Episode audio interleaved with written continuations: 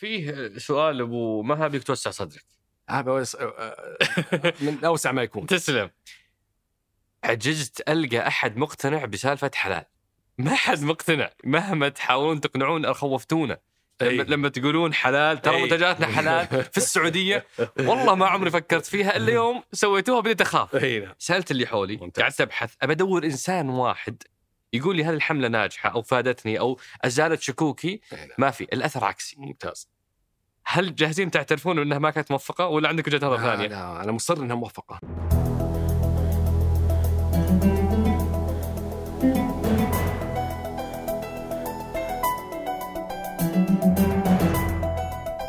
هذا سقراط من إذاعة ثمانية. وأنا عمر الجريسي أستضيف قادة التحول وقادة الأعمال وقادة الرأي وأسولف معهم عن مستجدات ومستهدفات رؤية السعودية 2030 ضيف حلقة اليوم هو الأمير مشعل بن خالد آل سعود الرئيس العام لشركة الرياض العالمية للأغذية.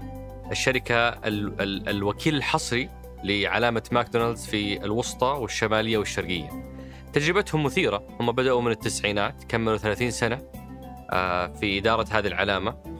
قطاع المطاعم اليوم من أهم قطاعات آه، برنامج جودة الحياة. وفي تجربة جدا عميقة في موضوع بيئة الأعمال وسهولة الإجراءات. وقعدنا نقارن بعد ما مرينا على قصة الشركة وقصة الحصول على العلامة التجارية. جلسنا نقارن ما بين بيئة الأعمال قبل وبعد الرؤية. إيش اللي فرق؟ آه، هوامش الربحية نزلت في في في القطاع لكن الإجراءات وتعاون الجهات الحكومية زاد آه، فتحدثنا شوي عن هذه.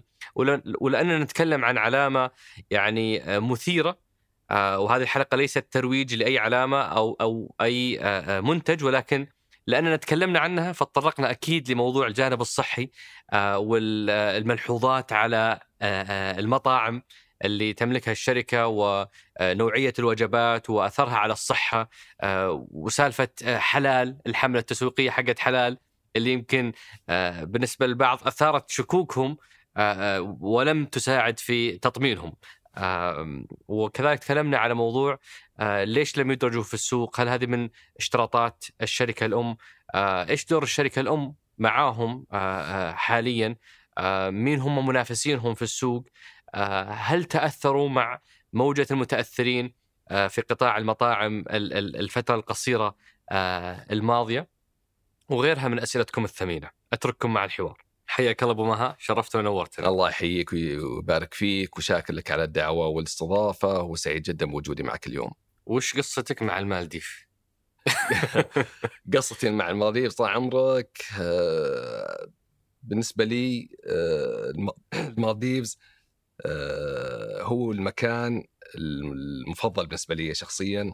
يعني عشر سنوات وكل سنة تروح لها بشكل متكرر نفس ال resort. صحيح. يعني حالة مختلفة عن عن طبيعة يعني علاقة الناس بالمالديف. صحيح.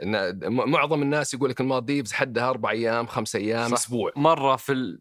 في كل خمس ست سنوات بس مو صحيح. سنويا. صحيح. ما هي وجهة سنوية كثير. لا هي سنويا طال عمرك ولا مو بس سنويا سنويا ولا تقل عن 20 يوم في السنة. wow. فهو. المكان الحقيقة اللي آه، أفصل فيه أفصل فيه ذهنيا والأهم هو الوقت اللي حقيقة اللي آه، أعوض نفسي وأعوض أعوض عائلتي إن في قضاء الوقت معهم ف يعني من يوم ما نصبح لين نمسي وإنا مع بعض. لا في روحات لا في جيات لا في أسواق لا محجورين في هالجزيرة. محجورين محجورين في الجزيره فآخذ آخذ شفي منهم في فأنا حريص حقيقه دائما يعني تختلف. يعني سفرتي مع عائلتي المالديفز مختلفة عن كل سفراتنا الثانية للأما- المدن الأخرى اللي يصير فيها نتفرق وأقعد أراكض وراهم أجمعهم وكذا. فهذا المكان الوحيد اللي مريح بالنسبة لي. وجربت تروح الاملج أو الوجه أو آه، ضبا أو أو شمال غرب المملكة؟ ص- طبعا ما في شك ما في شك. طبعا آه، إذا كنا بنتكلم عن الطبيعة فالطبيعة اللي موجودة عندنا في المملكة العربية السعودية يعني بدون آه، يعني مجاملة يمكن تعادل أو تفوق طبيعة المالديفز وغيرها. ولكن طبعا اللي ينقصها الخدمات. صح. فهذا الحقيقة اللي يعني آه، يحرمنا من إننا نتمتع في الأماكن في الوقت الحالي بسبب نقص الخدمات اللي فيها. ولكن طبعا زي ما أنت عارف والجميع عارف إن المشاريع اللي القائمة أنا على يقين إن خلال السنوات الجاية يعني ب- المشاريع اللي بتقوم عندنا في في المناطق هذه بتغنينا عن المالديفز ولا ولا أنا صراحة تجوز لي سياحة الجزر بشكل عام فزرت بالي زرت سيشل زرت المالديف يمكن مرتين. الملفت للنظر صراحة إنه المالديف كطبيعة بحرية مميزة جدا. ولكن لما رحت أملج أنا سبحت في أملج سبحت في ال- ال- الوجه في منطقة نيوم آه، ضبا آه، رأس الشيخ حميد شرمة. ما شاء الله. المناطق هذيك فعلا فعلا ترتقي مناظرها الطبيعية. إنها ممكن توازي اللي كنت أشوفه في المالديف صحيح صحيح آه، فهنا في عندك ميزة تنافسية رهيبة زي ما تفضلت ينقصها ال- ال- الخدمات أو البنيه التحتية صحيح. المؤهلة صحيح آه، وبعد مشروع البحر الأحمر المفترض إنه إن شاء الله السنة هذه يعني إحنا نتكلم عن. أشهر قليلة ويفتتح صحيح. اول منتجع صحيح المفترض إنه آه، نبدأ شوية نستفيد من هذه الميزة اللي موجودة عندنا. بدون شك. ونصير ال 20 يوم هذه آه، إن شاء الله هي طبعا في- في البحر. الأحمر. إيه أنا أنا مراقب مراقب مشروع ال- وعندهم في ليلات يبيعون- يبيعون- يبيعونها. إي. نصير نربط بينك وبين البحر الأحمر وناخذ السعي. ساعات أبرك. ساعات والله. الله يبارك فيك. والله إحنا سعداء آه، أبو مهاب باستضافتك. تجربة ماكدونالدز يعني مثيرة جدا من عدة نواحي آه، عمقها مدتها. أثرها في موضوع التوطين علاقتها بمرحلة ما قبل الرؤية وما بعدها من حيث الإجراءات والتراخيص. صحيح. آه، مفهوم آه، جودة الحياة اللي اليوم أحد برامج تحقيق رؤية آه، يبغى يزيد عدد المطاعم قطاع المطاعم فيه تحولات كثيرة كثير مطاعم قاعد تخسر اليوم. الهوامش تغيرت ما بعد الرؤية انخفضت الهوامش ارتفعت التكاليف. صحيح. فقطاع حيوي وفي صميم صح. الرؤية ومن عدة زوايا تجربتكم تقدر تثري هذا النقاش. فحنا قلنا نبغى نسعد باستضافتك وناخذها رحلة من البداية وبعدين نمر على هذه المحطات ساعات وخلينا نبدأ أول ب آه، ب ب يعني كذا لمحة سريعة عن عن الشركة الأم، يعني اليوم أي أحد في ريادة الأعمال لازم يجيب طاري قصة ماكدونالدز في فيلم The Founder من صحيح. من أشهر الأفلام اللي أي أحد في هذا المجال لازم يعني يوصي بمشاهدته. صحيح. آه، دائما ذكرها في موضوع عدد الأفرع نموذج العمل هنا الانتشار كلها آه، آه، تجعل من قصتها مثيرة. للمشاهد فودنا نعرف كذا لمحة عامة قبل ما ممتاز. ندخل في تجربتكم أنتم صحيح. عن الشركة الأم. سم آه، يا طويل العمر شركة ماكدونالدز هي طبعا أكبر سلسلة مطاعم خدمة سريعة في العالم. آه، تأسست عام 1955 ميلادي. اليوم في أكثر من 40 ألف مطعم منتشرة في أكثر من 100 دولة حول العالم. آه، ماكدونالدز تخدم يوميا 70 أكثر من 70 مليون زائر يوميا على مستوى العالم. يعني، آه، وهي طبعا تعد من أكبر عشر أشهر وأكبر عشر علامات تجارية في العالم. هي الثامن صح؟ ثامن آه، علامة. حسب الظاهر كانت آه، تاسعة حسب آخر الاستبيان فهي. ضمن أشهر عشر علامات آه، في العالم. آه، هذا فيما يخص آه، الش- الشركة شركه ماكدونالدز آه، واللي يعني أتذكر إنه المؤسس ما هو هو اللي قاد النمو صح؟ آه، هي ابتدت هي ابتدت بشكل مختلف. صحيح طبعا هي هي أول مطعم ماكدونالدز فتح عام 1945 ميلادي. وكانت اثنين أخوين آه، اسمهم أخوان ماكدونالدز. من عائله ماكدونالدز فهم اللي أسسوا مطا- المطاعم وفتحوا لهم مجموعة فروع في كاليفورنيا. وكانوا قنوعين. كان عند فتحوا لهم حوالي سبعة أو ثمان فروع وكانوا يعني مقتنعين فيها وما كان عندهم خطط لتوسعها ولا كان عندهم طموح للتوسع والى آخره. فجاء رجل أعمال في ذاك الوقت اسمه ري كروك يعني وشرى منهم الشركة. وهو اللي قاد التوسع. وحولها من شركة أمريكية إلى شركة عالمية. هو اللي هو اللي وانطلقت عام عام 1955 آه، فبعد ما تأس... بعد ما فتح أول فرع بعشر سنوات شراها وحولها من شركة أمريكية إلى شركة عالمية وانطلق في خطتها لين وصلت على ما هي وصلت دائما لما لما تذكر ماك ينذكر موضوع إنها شركة عقارية وليست آه، سلسلة صحيح. مطاعم صحيح. ليش يثار هذا الشيء عن ماك تحديدا؟ ممتاز آه، لأن نظام ماكدونالدز ال- ال franchise عندهم. هم هم طال عمرك آه، يشترون ال- العقار يطورونه ويجهزونه ويبيعونه على ال franchisee أو المشغل.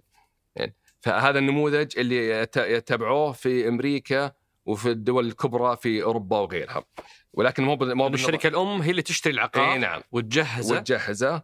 وتأجره على وت- ولا, تبيعه؟ تبيع تبيعه. تبيعه على صاحب تبيعه على المشغل مشغل. على الفرانشايزي. فهو يعني يعتبر مشغل أكثر مما هو آه، مطور. يعني فلأن لهذا السبب تعتبر هي شركة عقارية. بينما طبعا في آه، هذا هذا النموذج اللي بدأوا فيه في ال franchising في أمريكا وفي أوروبا. وبعدين غيروا لجوا إلى أسلوب آخر من ال franchise اللي هو منح الكامل الحقوق لمناطق جغرافية. آه، أول كانوا بالفرع الواحد. أول كان أفرع أي نعم. إي. أي نعم أفرع. فتلقى شخص يملك فرع شخص يمل- يملك فرعين خمس فروع إلى آخره. آه، فكانت يعني آه، تركيزهم على أفراد وليس على الشركات. بعدين طوروا النموذج ال- بس زي نموذج Subway هنا في في المنطقة صح؟ Subway كذا طريقتهم. بالأفرع. والله ما عندي خبر. ما أوكي. ما ما, ما, ما ولا ممنوع نحكي عن منافسين لا لا أبرك ساعة لا بالعكس أبرك ساعة إيه. لكن الحقيقة ماني مطلع على نظام تشغيل تشغيلهم. آه، ف بالنسبة لماكدونالدز هذا النظام ال- السائد. وعشان كذا عندهم اليوم 40000 مطعم في أكثر من 3500 آه، فرانشايزي يعني في الشركة. آه، لما بدأوا ينتشرون جغرافيا آه، في أنحاء العالم طوروا آه، أسلوب آخر اللي هو منح الوكالة للمنطقة الجغرافية لشخص شخص واحد بدل ما هي عدة أشخاص شخص واحد. يعني وهذا يطبق عندنا في الخليج وفي العالم العربي وكثير من دول آسيا. آه، تم يتم منح الامتياز لشخص واحد لمنطقة جغرافية آه، كاملة. وهذه وعام 79 إذا ماني بغلطان آه، والدكم كان يدرس أو قبلها كان يدرس في أمريكا وتعرف على هذه العلامة وثلاث سنوات محاولات يقنعهم إنهم صحيح. آه، آه، يعني يدخلون السوق السعودي. صحيح. فودنا هنا ندخل على قصة شركة الرياض العالمية تحديدا سم. وكيف حصلتوا على هذا البراند والمراحل الثلاثة اللي مرت فيها تجربتكم. ممتاز. أه، الحقيقة ال- في بداية في نهاية الستينات وبداية السبعينات اللي كان الوالد الله يطول في عمره كان يدرس أه، في أمريكا وتعرف على زي ما تفضلت تعرف على علامه ماكدونالدز وشاف البوتنشل اللي م- اللي اللي موجود فيها. فلما خلص دراساته ورجع وكذا تقدم لهم عام 79 ميلادي. كان أول مرة يتقدم لهم عام 79 ميلادي. وطلب إنه يعني آه، انه يكون آه، أحد المرشحين للحصول على وكالة آه، فكان ردهم في ذاك الوقت إنهم رحبوا وقبلوا ال- ال- الطلب ولكن قالوا إن حال في الوقت الحالي ما عندنا أي توجه إننا نفتح في الخليج تركيزهم كان ذاك الوقت على توسع في أوروبا وشرق آسيا. أه ولكن قالوا متى ما قررنا ان نجي الخليج بنتواصل معكم. فصار هو طبعا ما تركهم، صار كل سنة سنتين يتواصل معهم يتواصل معهم يتواصل معهم إلين طال عمرك عام 92 ميلادي. يعني 13 سنة بعد ما قدم تقدم لهم أول مرة. 92 ميلادي آه، كلموه وقالوا إننا الآن عندنا رغبة في إننا نتواجد في منطقة الخليج والشرق الأوسط ويكون في علمك أن ترى في مئات المتقدمين وهذا شيء طبعا متوقع عندنا مئات المتقدمين لطلب الوكالة فبنجي يعني بنقعد لنا أسابيع في المملكة بنقابل كل المتقدمين وبنختار ال- ال- اللي نشوف إنه هو ال- ال- الاكثر تاهيلا. ففعلا جو كنت وقلنا وقتها في الجامعة لسه أنا كنت في الجامعة. اي فجو طال عمرك آه، عيوا إن ما, علمونا متى بيوصلون وقلنا لهم بنعزمكم على الغداء بنعزمكم على العشاء عيوا وقالوا ما نبغى عزايم ولا شيء بنجي لحالنا ولا بنجيكم اللهم يوم الاجتماع بنحدد لكم يوم بنجي نجتمع معكم فيه. ف وهذا صار فعلا. بلغونا قالوا والله إحنا جايين وخلاص بنقابلكم اليوم الفلاني.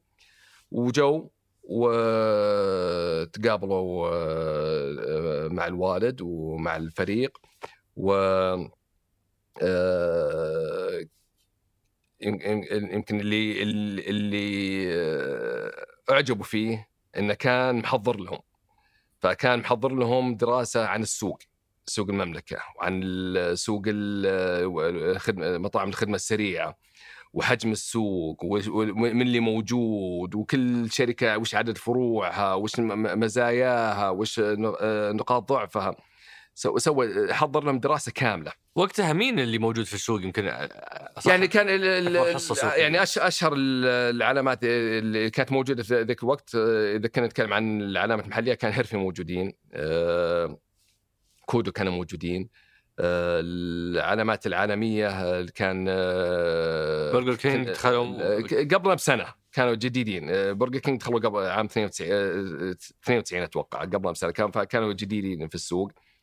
آه، كانوا اللي كانوا منتشرين كان آه، كنتاكي وهارديز كانوا منتشرين.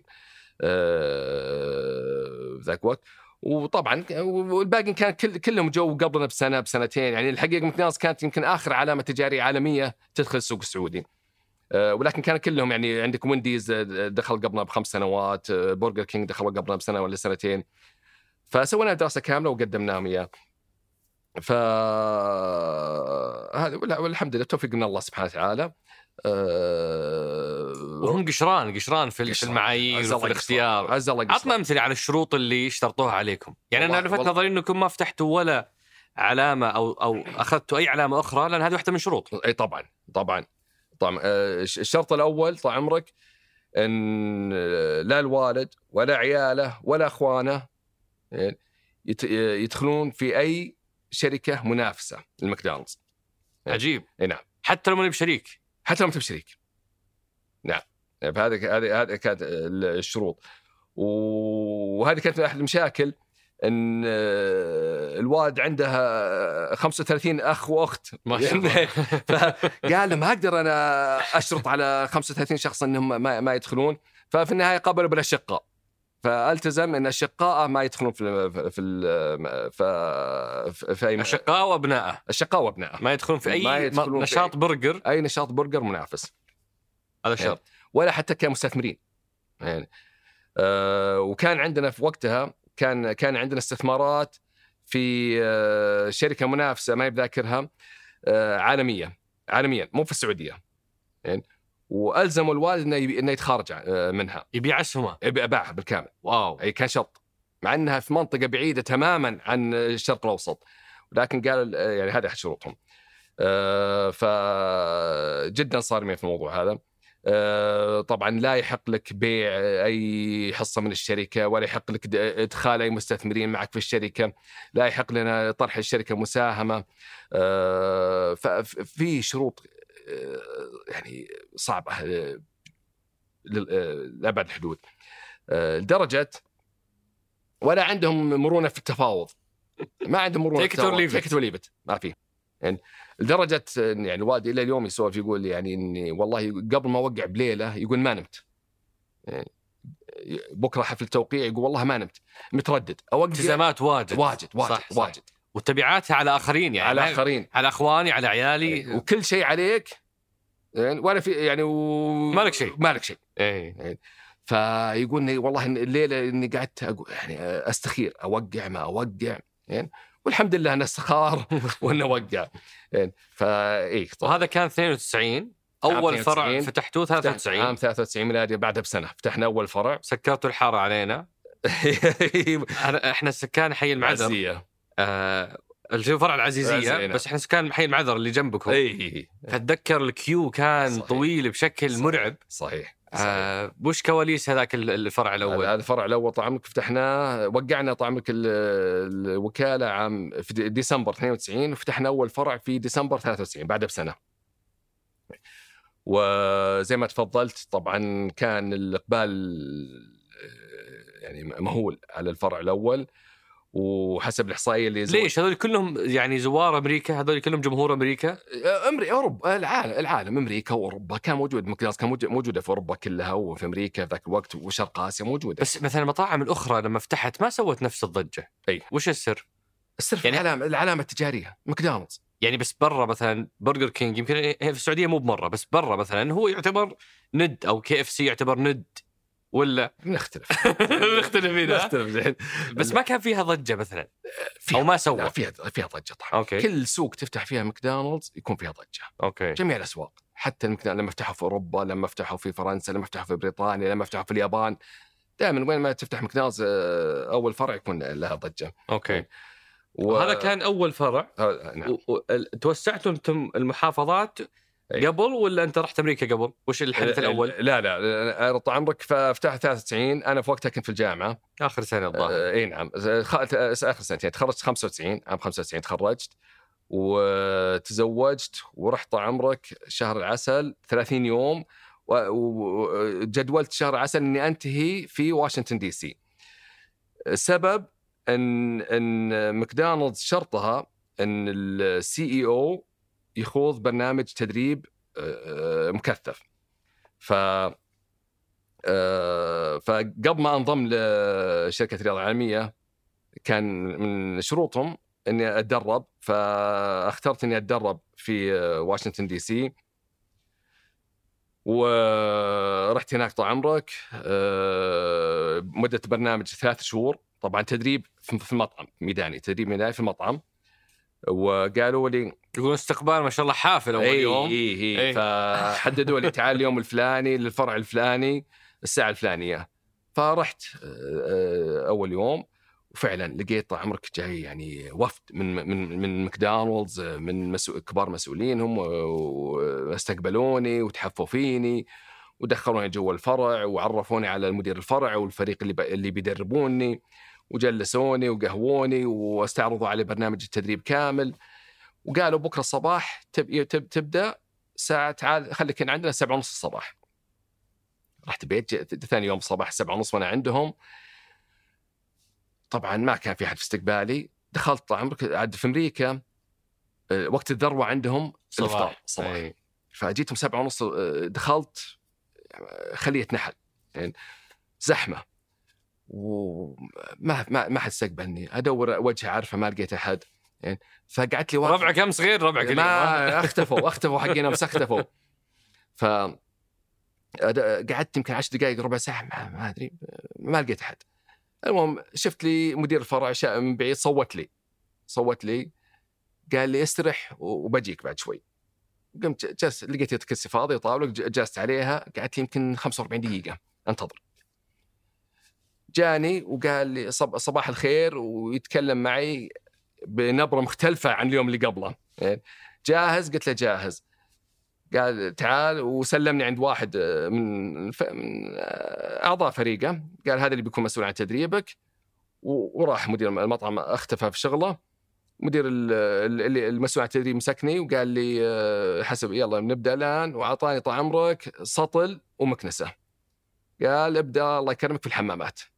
يعني فكانت هذه أول مهمة. يعني تنظيف تنظيف الله يكرمك آه، يكرم المشاهدين ال- ال- ال- الأرضيات. ومن بعدها تنظيف المواقف برا والحدائق وال إلى آخره.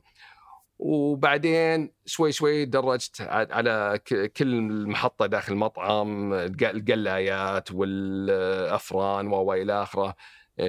وترقى ترقى لمدير ورديه مدير ثاني مدير أول لين تخلص بعد ثلاث شهور اصبحت مدير فرع. فرع مدير فرع بعد ثلاث شهور.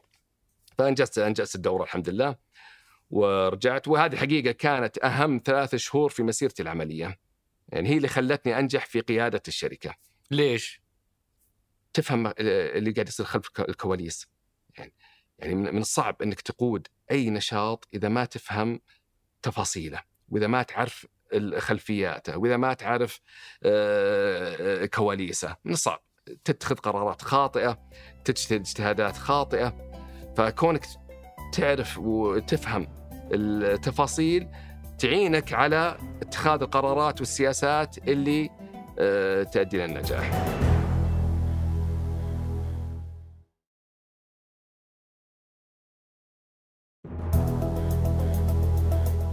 وبعد ما رجعت آه، أبو مها نقدر نقول إنه كذا بشكل سريع 30 سنة نعم. مرت فيها آه، شركة الرياضة العالمية بهذه العلامة في السعودية. صحيح. آه، طبعا إحنا لازم نوضح إنه أنتم ماسكين جزء من المملكة وفي إيه شركة نعم. أخرى ماسكة الجزء الآخر لو. نوضحها هذه. اي بعدين نحكي عن المراحل الثلاثة ممتاز. اللي أنت توصف فيها دائما صح. رحلة ماكدونالدز مسيرتنا صح ممتاز طبعا. صحيح. ال- بالنسبة للمملكة تحديدا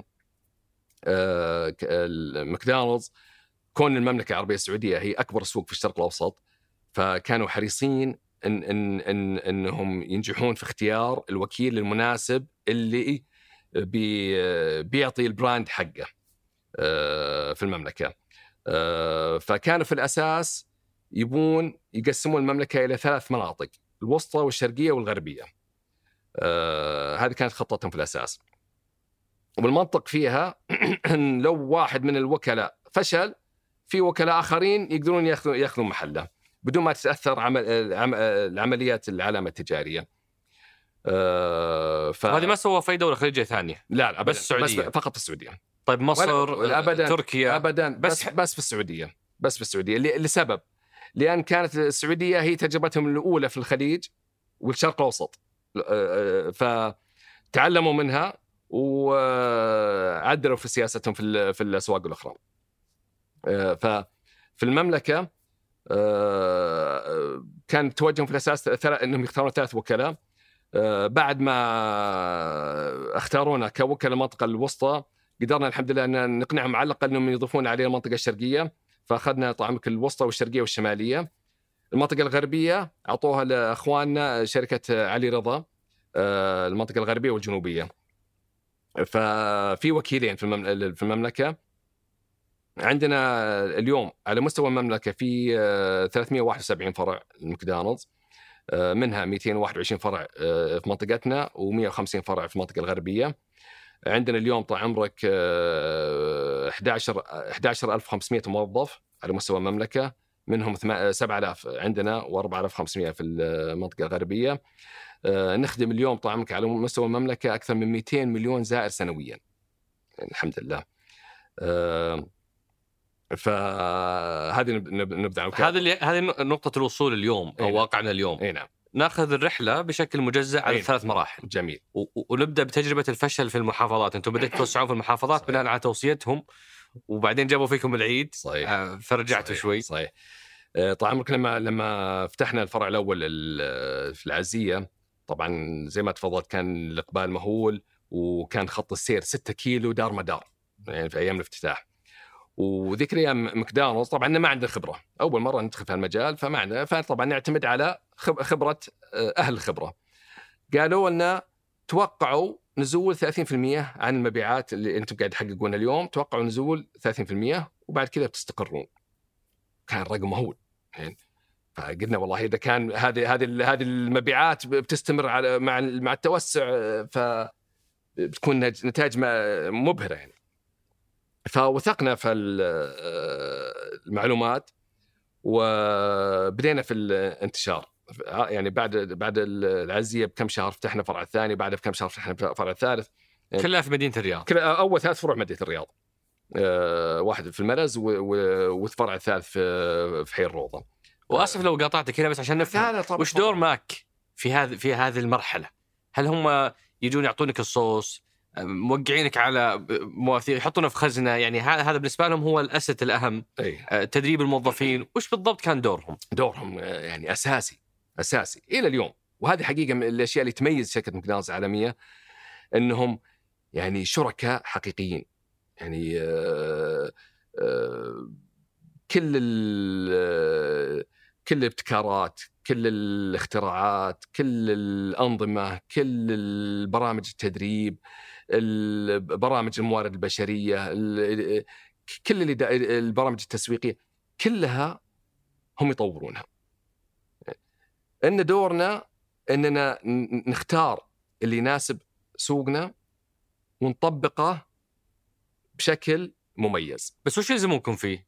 هل يلزمكم بالأسعار؟ لا. بنوعية الوجبات؟ ابدا ابدا. إيه طبعا الوجبات الوجبات مثلا المنيو في في وجبات رئيسية يسمونها ال core core menu. هذه لازم تكون موجودة في كل ماكدونالدز في كل العالم. مثلا ال Big Mac وال McChicken وإلى آخره. فهذه ما تلعب فيها. هذه ما تلعب فيها. okay. يعني ولك المرونة إنك تضيف منتجات آه، تناسب الذوق المحلي الذوق المحلية. يعني فعندنا مثلا ال Mc عربي. ال Mc عربي من المنتجات اللي طورناها هنا في السعودية ومن أنجح المنتجات عندنا آه، وحصرية في السعودية بس ما تلقاها في أي مكان آخر. وفي بعض دول الخليج. وهل يعطونكم ال- ال- الخلطات هذه جاهزة ومصنوعة ولا يعطونكم طريقة اعدادها؟ لا لا هذه ولا هذه طبعا.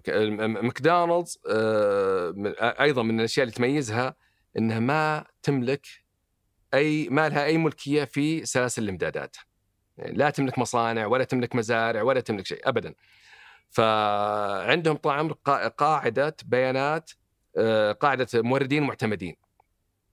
ف وكلنا ندخل على القاعدة هذه ولي المرونة وكامل الحرية إني أختار أي مورد معتمد.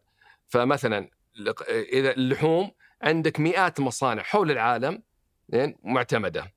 فأنا عندي مرونة إني أروح أختار أي من هالمصانع وأستورد منها. آه، فالشرط الوحيد بس إني أتعامل مع موردين معتمدين.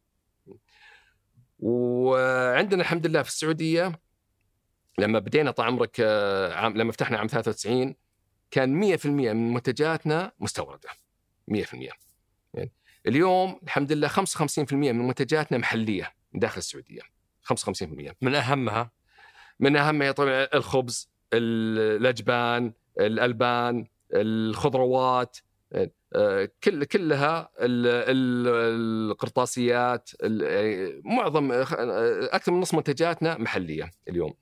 آه، بس الزبدة من برا اللحوم والدجاج الدجاج الدجاج اللحوم صحيح اللحوم والبطاطس إلى اللحوم من أستراليا اللحوم دجاج أستراليا ماليزيا. البرازيل الدجاج من ملي حاليا ولكن تتغير طعمك زي ما قلت لك أنا عندي قائمة موردين عندي. قائمة فاشوف الأفضل من ناحية المس... الأقرب مسافة الأقرب مسافة آه، الأفضل سعرا الأفضل جودة يعني وهل ممكن يكون فرع من من مورد وفرع من مورد آخر؟ ممكن ممكن. لأنه قبل التصوير قاعد أسأل الزملاء آه، آسف على الاستطراد بس قاعد أسأل الزملاء المصورين وال... أقول لهم وش بقابل آه، رئيس ماك؟ وش بتقولون؟ وش بتسألونه؟ فواحد يقول ليش في فرق في الطعم؟ آه، وهذه ملفتة يعني. ظنيت إنه الجودة حتحافظ على الطعم في كل مكان. نعم. أفهم إنها تكون بين الغربية وال- والوسطى بحكم إدارة تشغيلية مختلفة. صحيح. قالوا لا حتى فرع السويدي يفرق عن فرع حطين. آه يفترض لا. يفترض لا. يقول هذه تجربته. فهل فهل هل هذه لها علاقة بال- بالموردين ولا لها علاقة بالتشغيل؟ لا لا بالتشغيل. بالتشغيل. اذا إذا كان في فرق في الطعام فيكون بسبب آه، أسباب تشغيلية وليس لكن ال- المصدر واحد. okay. مصدر واحد. يعني ف فنغير إن موردين من وقت لاخر باستمرار. يعني آه، ال- ال- اللي نستورد منهم نغيرهم بشكل بس الخلطة السرية أو أو أي. ال secret ما هي عندي ما هي عندكم ما عندي. مين؟ عندك من من ماكدونالدز مع الموردين. آه فنفس الشيء في موردين يبيعونك هذه الخلطة. يبيعون الخلطة هنا عدة موردين. اي نعم عدة موردين. كل كل الموردين المعتمدين هذول معتمدين من قبل شركة ماكدونالدز العالمية. وهل هم يجون يدربون موظفينك؟ على الشركة الأم. إي. هل يدربون ال staff حق الفرع؟ لا لا طبعا في البداية في البداية إي. إي. بس بعدين طبعا بعدين أسسنا المركز تدريب خاص فينا. إي هذه بنجي فيها. إي. بس أنا أقصد بداية إي. أول ثلاث فروع هذول إي طبعا. دور ما كان إنهم جو. دربوا الموظفين. عدوا المنيو و... م- حتى أرسلنا كل موظفين أرسلناهم لدو- لدول مختلفة موجود في موجودة في مطاعم ماكدونالدز تدربوا فيها. ف أرسلنا ناس للفلبين أرسلنا ناس لماليزيا أرسلنا ناس لاوروبا يتدربون آه، لل- للافتتاح. وجزء من خبرة ماك إنه قالوا لكم ترى أنتم آه، أموركم طيبة في المبيعات. تنزل بعد 30% 30% فتوسعوا. توسعوا. توسعوا. وش الغلطة اللي صارت؟ الغلطة اللي صارت ما هي بغلطة ولكن في وقتها كانت مؤلمة. تجربة مؤلمة ولكن ما هي بغلطة. آه، ففتحنا أول ثلاث فروع، الفرع الرابع فتحنا فتحنا في الشرقيه أيضا لما فتحنا في الشرقيه كان في طب شبه يعني آه، كان في إقبال كبير زي ما صار في الرياض. آه، بعدين طال عمرك بدينا نتوسع فتحنا فرعين في القصيم وفرع في الأحساء في نفس الوقت. يعني وهنا بدت مرارة التجربة.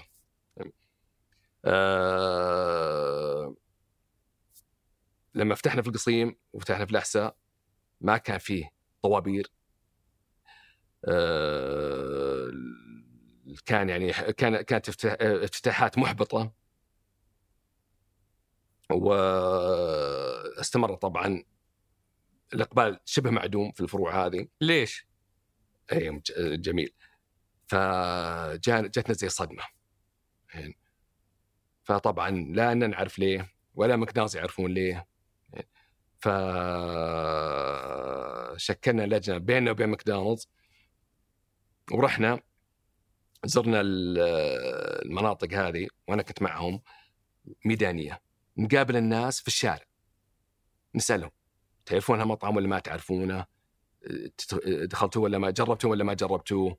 ليش ما ليش ما تجربونه؟ إلى آخره. كان يعني خلاصة الدراسة هذه كانت عدة أسباب، أول شيء أن كان كان كان في رفض لها كونها علامة أمريكية. آه، رقم اثنين كانوا يشوفون فخامة المبنى فيعتقدون أنه مطعم غالي غالي يعني ففخامه المطعم كان يعطي انطباع سيء عن على عن العلامه يعني هذه كانت أبرز سببين. فبناء عليها حطينا خطة إننا نعالج نصحح هالمفاهيم الخاطئة. إن شركه ماكدونالدز ما هي بشركة أمريكية، ماكدونالدز شركة عالمية، شركة مساهمة يملكونها ملايين الناس الأشخاص من حول العالم، العرب والمسلمين، أنا أملك فيها إلى إلى اخره. فسوينا حملات آه، كبيرة على الموضوع هذا، وان ماكدونالدز في السعودية هي شركة سعودية اللي يملكونها سعوديين آه، ب 100% شركة ماكدونالدز ما تملك آه، في آه، في شركة في, في, شيء في أي حصة في مطاعم ماكدونالدز في السعودية. إلى آخره. فبدينا نسوي حملات تثقيفية توعوية بكثافة. الأسعار أيضا نفس الشيء، صرنا نسوي حملات تسويقية نوضح حقيقة أسعارنا. اللي يميز ماكدونالدز عالميا وفي السعودية ان ماكدونالدز تقدم أجود المنتجات بأقل الأسعار.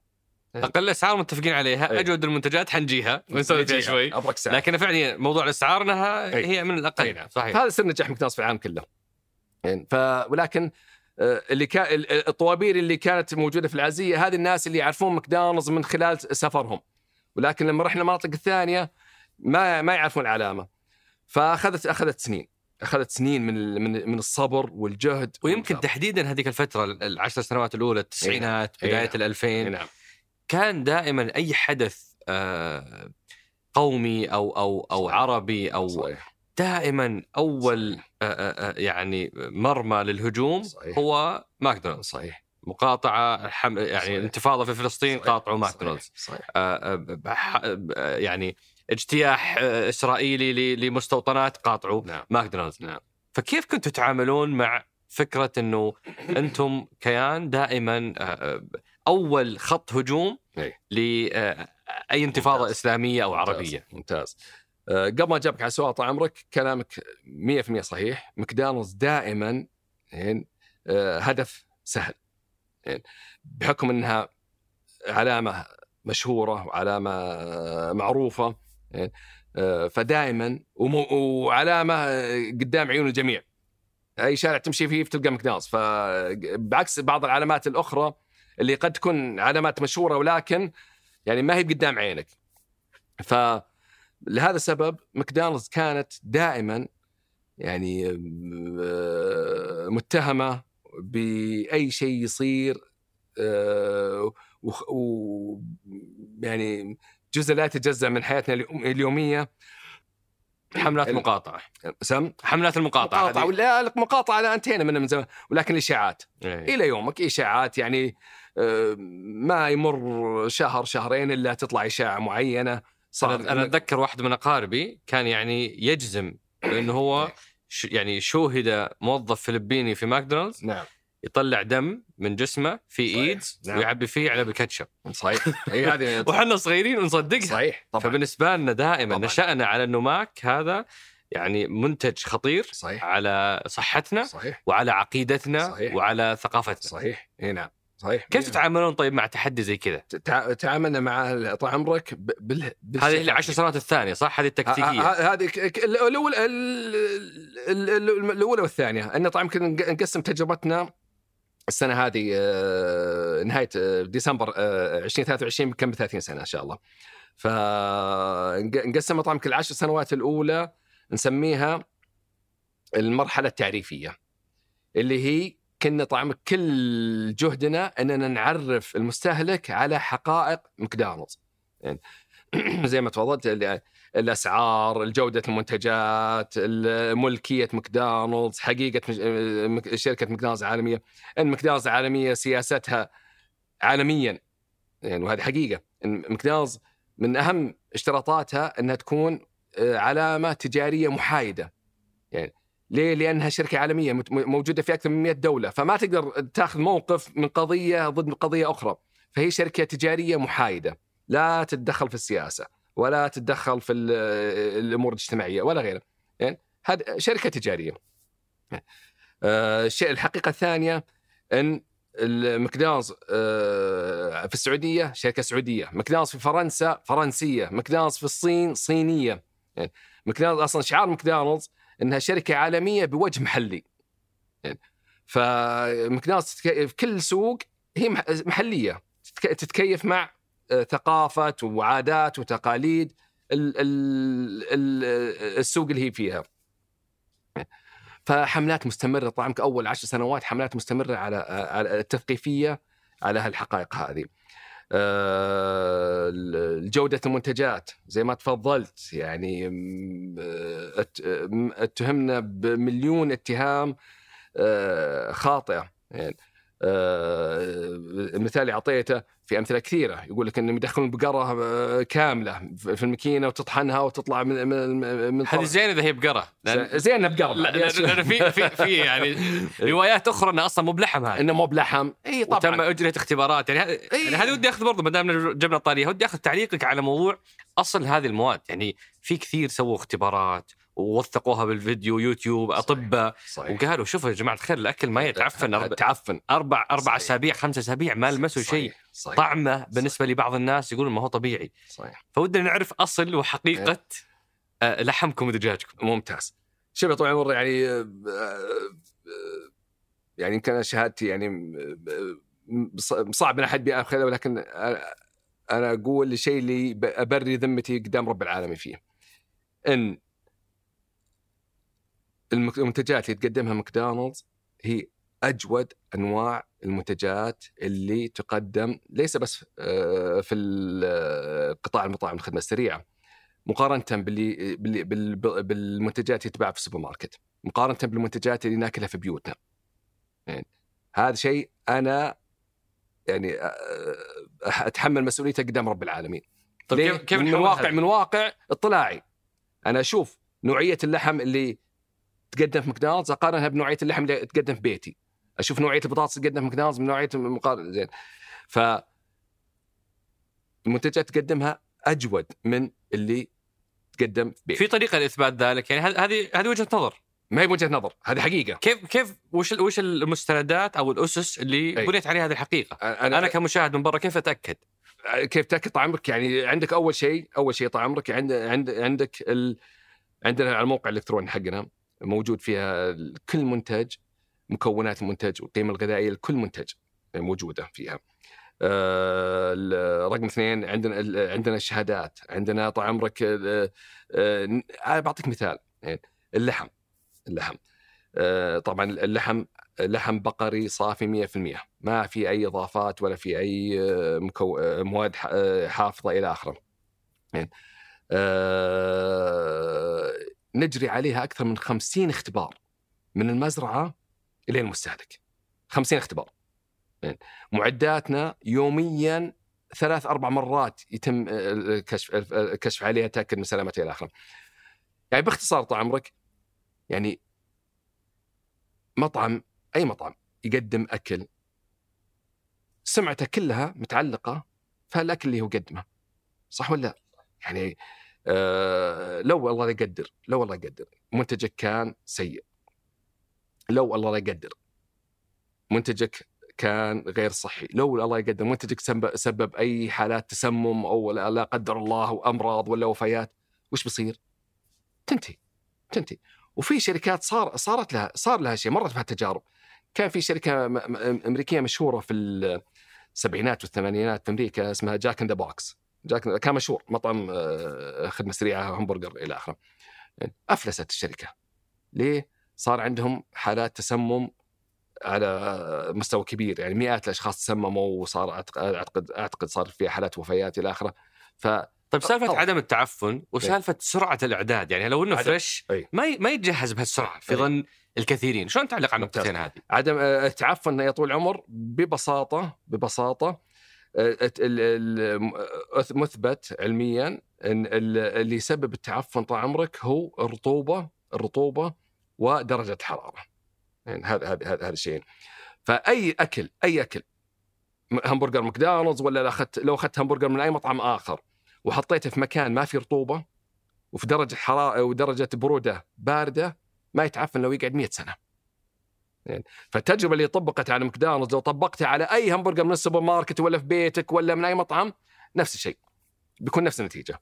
ولكن ما حد يجرب على ال- المصادر الأخرى. دائما التركيز على ماكدونالدز بحكم إنها آه، هي العلامة الأشهر. يعني فهي بسبب الظروف المناخية اللي تم التجربة فيها. وماكدونالدز سوت يعني ماكدونالدز سوت آه، مو ب- مو مو بسوت هي بنفسها آه، عمّدت آه، مختبرات مختصة مستقلة. يعني انها تسوي نفس الاختبارات وسووا اختبارات وثبت نفس النتيجة.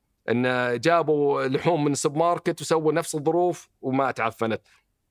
أكل ماكدونالدز حطه في مكان برا طعمك على الطاولة في مكان فيه رطوبة وفيه آه، دفء بيتعفن. يعني فهو التلاعب في الظروف هي اللي اللي اللي وسرعة التجهيز. يعني سرعة- لو هو fresh ما جهز في ثلاث دقائق وهذه من أهم مزايا ممتاز. آه، ماك. آه، صحيح. آه، السبب يا طويل العمر إن هو fresh ولكن يجمد بطريقة مميزة يسمونها flash flash freezing flash freeze يعني ففي المصنع لما يحضرونه يمر على تجميد فوري يعني يخليه يحافظ على كل ما ينشف يحافظ على المواد إلى آخره. فيجيك مثلا البطاطس والدجاج الدجاج على سبيل الدجاج مطبوخ مطبوخ في المصنع. آه في فيجيك half cooked أصلا لا؟ fully cooked آه fully cooked fully cooked لو أكلته طال عمرك الله يكرمك نيء آه، صالح للاستخدام. يعني فنقليه القلية الأخيرة. فيجي هو مطبوخ مجمد يعني واللهم أن نحطه نقليه القلية الأخيرة آه، فهذا هذا هذا هذا فهي طريقة الإعداد والتحضير على مستوى المصنع اللي تمكننا من اننا في المطعم آه، نجهزه بشكل وفي. تجربة يعني وهذه عشان نقفل فيها موضوع أي. ال- المرحلة التعريفية هذه أي. في موضوع ال- الشخص اللي جرب في أمريكا إنه يأكل 30 يوم من ماك آه، يمكن سمعت عن التجربه اللي جاله يعني اكتئاب ويعني مضاعفات صحية و- و- وكان يعني يشير إلى أنه هذا أثر الاكل عليه. إي إي إي. صحيح. وش تعليقك على هذه؟ تعليقي عليه يا طويل العمر أي شيء تفرط فيه بيضرك.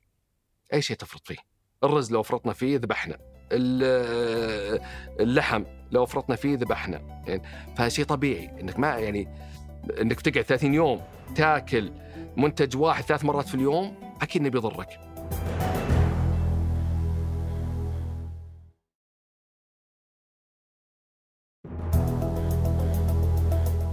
هل أنت تسمح فيه لأولادك في بيتك؟ يوميا. يوميا؟ يوميا. أقسم بالله. ما شاء الله جسمك ما هو جسم واحد إيه ياكل إيه ماك إيه. جس- جسمك رشيق. لا. هذه هذه طبعا. المفاهيم الخاطئة. يعني المفهوم خاطئ إن اللي ياكل ماكدونالدز يوميا بيسمن. مو بصحيح. مو بصحيح. يعني يعني زي ما لكم وجبات خاصة أنتم ال owners ما شيء؟ لا ما وجه ابدا ابدا لأن يعني لا. إيه. كل ال- الصورة الذهنية والمعرفة المجتمعية إيه بأنه نعم. هذا المطعم هو اللي قاعد يسبب إيه. سمنة وقاعد يسبب كوليسترول مرتفع وش اللي يسبب السمنة؟ اي السعرات الحراريه حلو صح ولا لا؟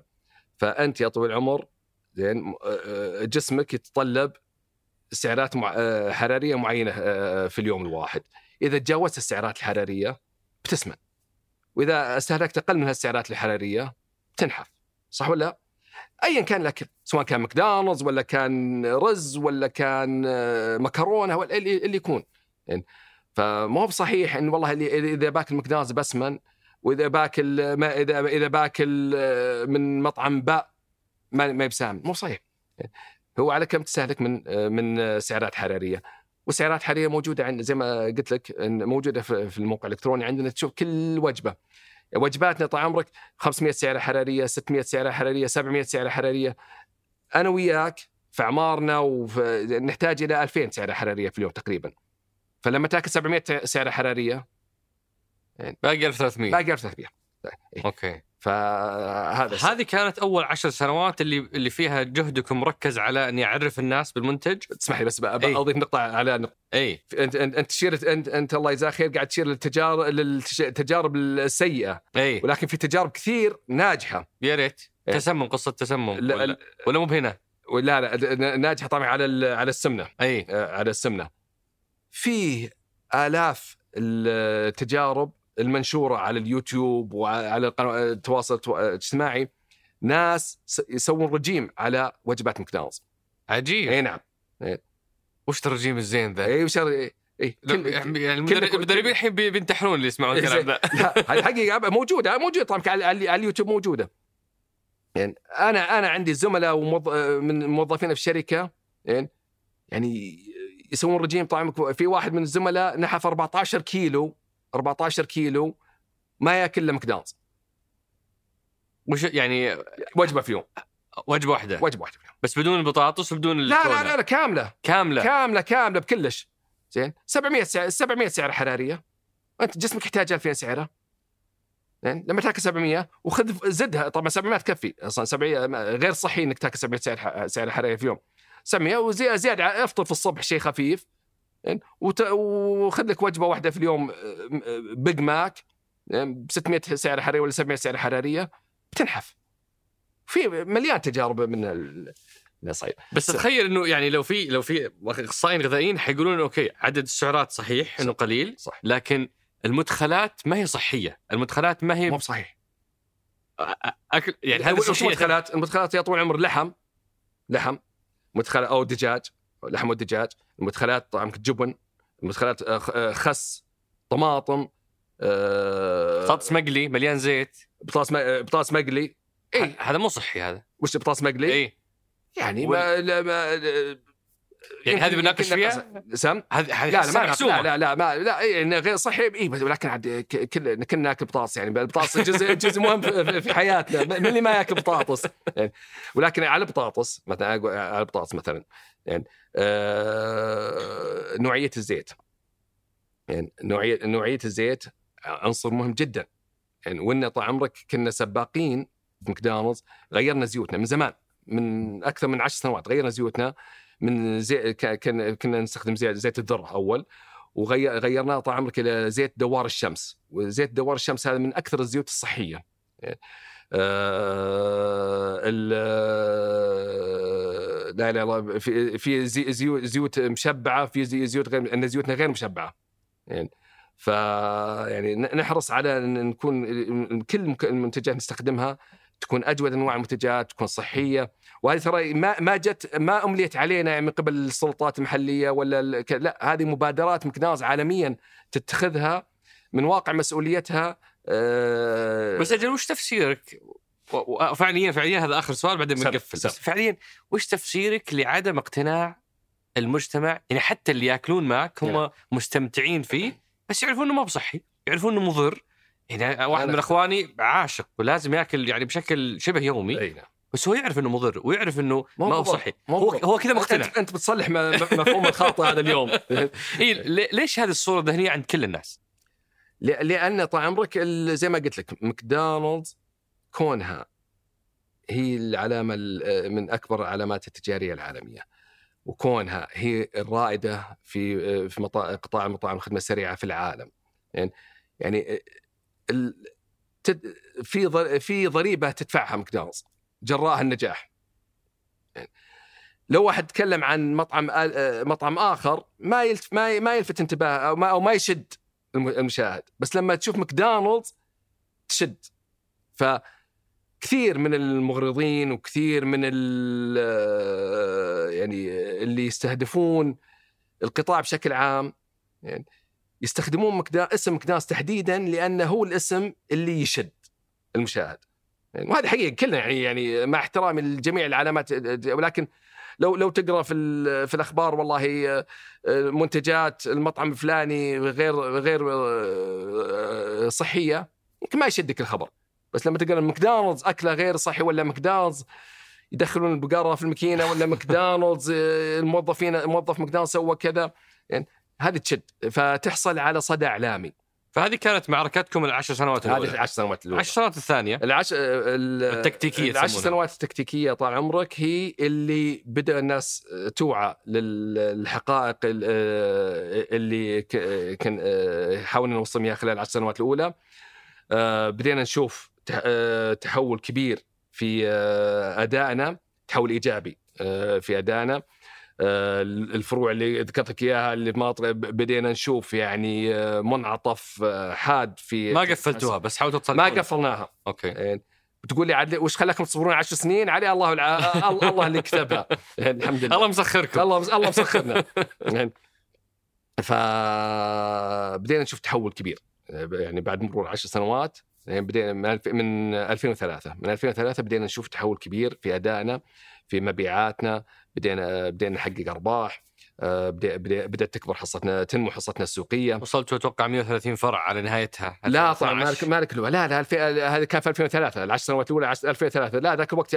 كنا نفتح ثلاث أربع فروع في السنة إي بس أقصد مع نهايتها 2012 لا نهاية العشر- العشر لا العشر سنوات الأولى طبعا كانت في 2003 إي العشر سنوات الأولى انتهت في 2003 الله الله. العشر سنوات الثانية انتهت في عش... آه، 2012 إي نعم. وهذه اللي وصلتوا 130 فرع. إي. المرحله التكتيكيه هذه. إي نعم. إي؟ نعم. تكتيكية صحيح. إي. نهاية مع مع نهاية مرحلة تكتيكية. احسنت أي. فهذه وصلتوا 130 فرع. بدينا ننتشر فيها. okay. عشان بدينا نشوف تحسن مع بدايتها مع وهنا أنت 2003. توصفها توصيف حلو تقول لي إنه هذه اللي شف الناس يأكلون. صحيح.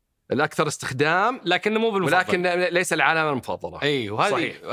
صحيح. وهذه كيف طيب تعاملتوا معها؟ هذا طال عمرك آه، ب... ب... ب- زي ما بدينا نشوف تحسن وكل سنة صر- صرنا نشوف قفزات في الأداء سنه سنة عن سنة آه، ولكن وأصبحنا الأكثر استخدام ولكن ليس العلامه المفضلة يعني الأكثر استخدام ليه؟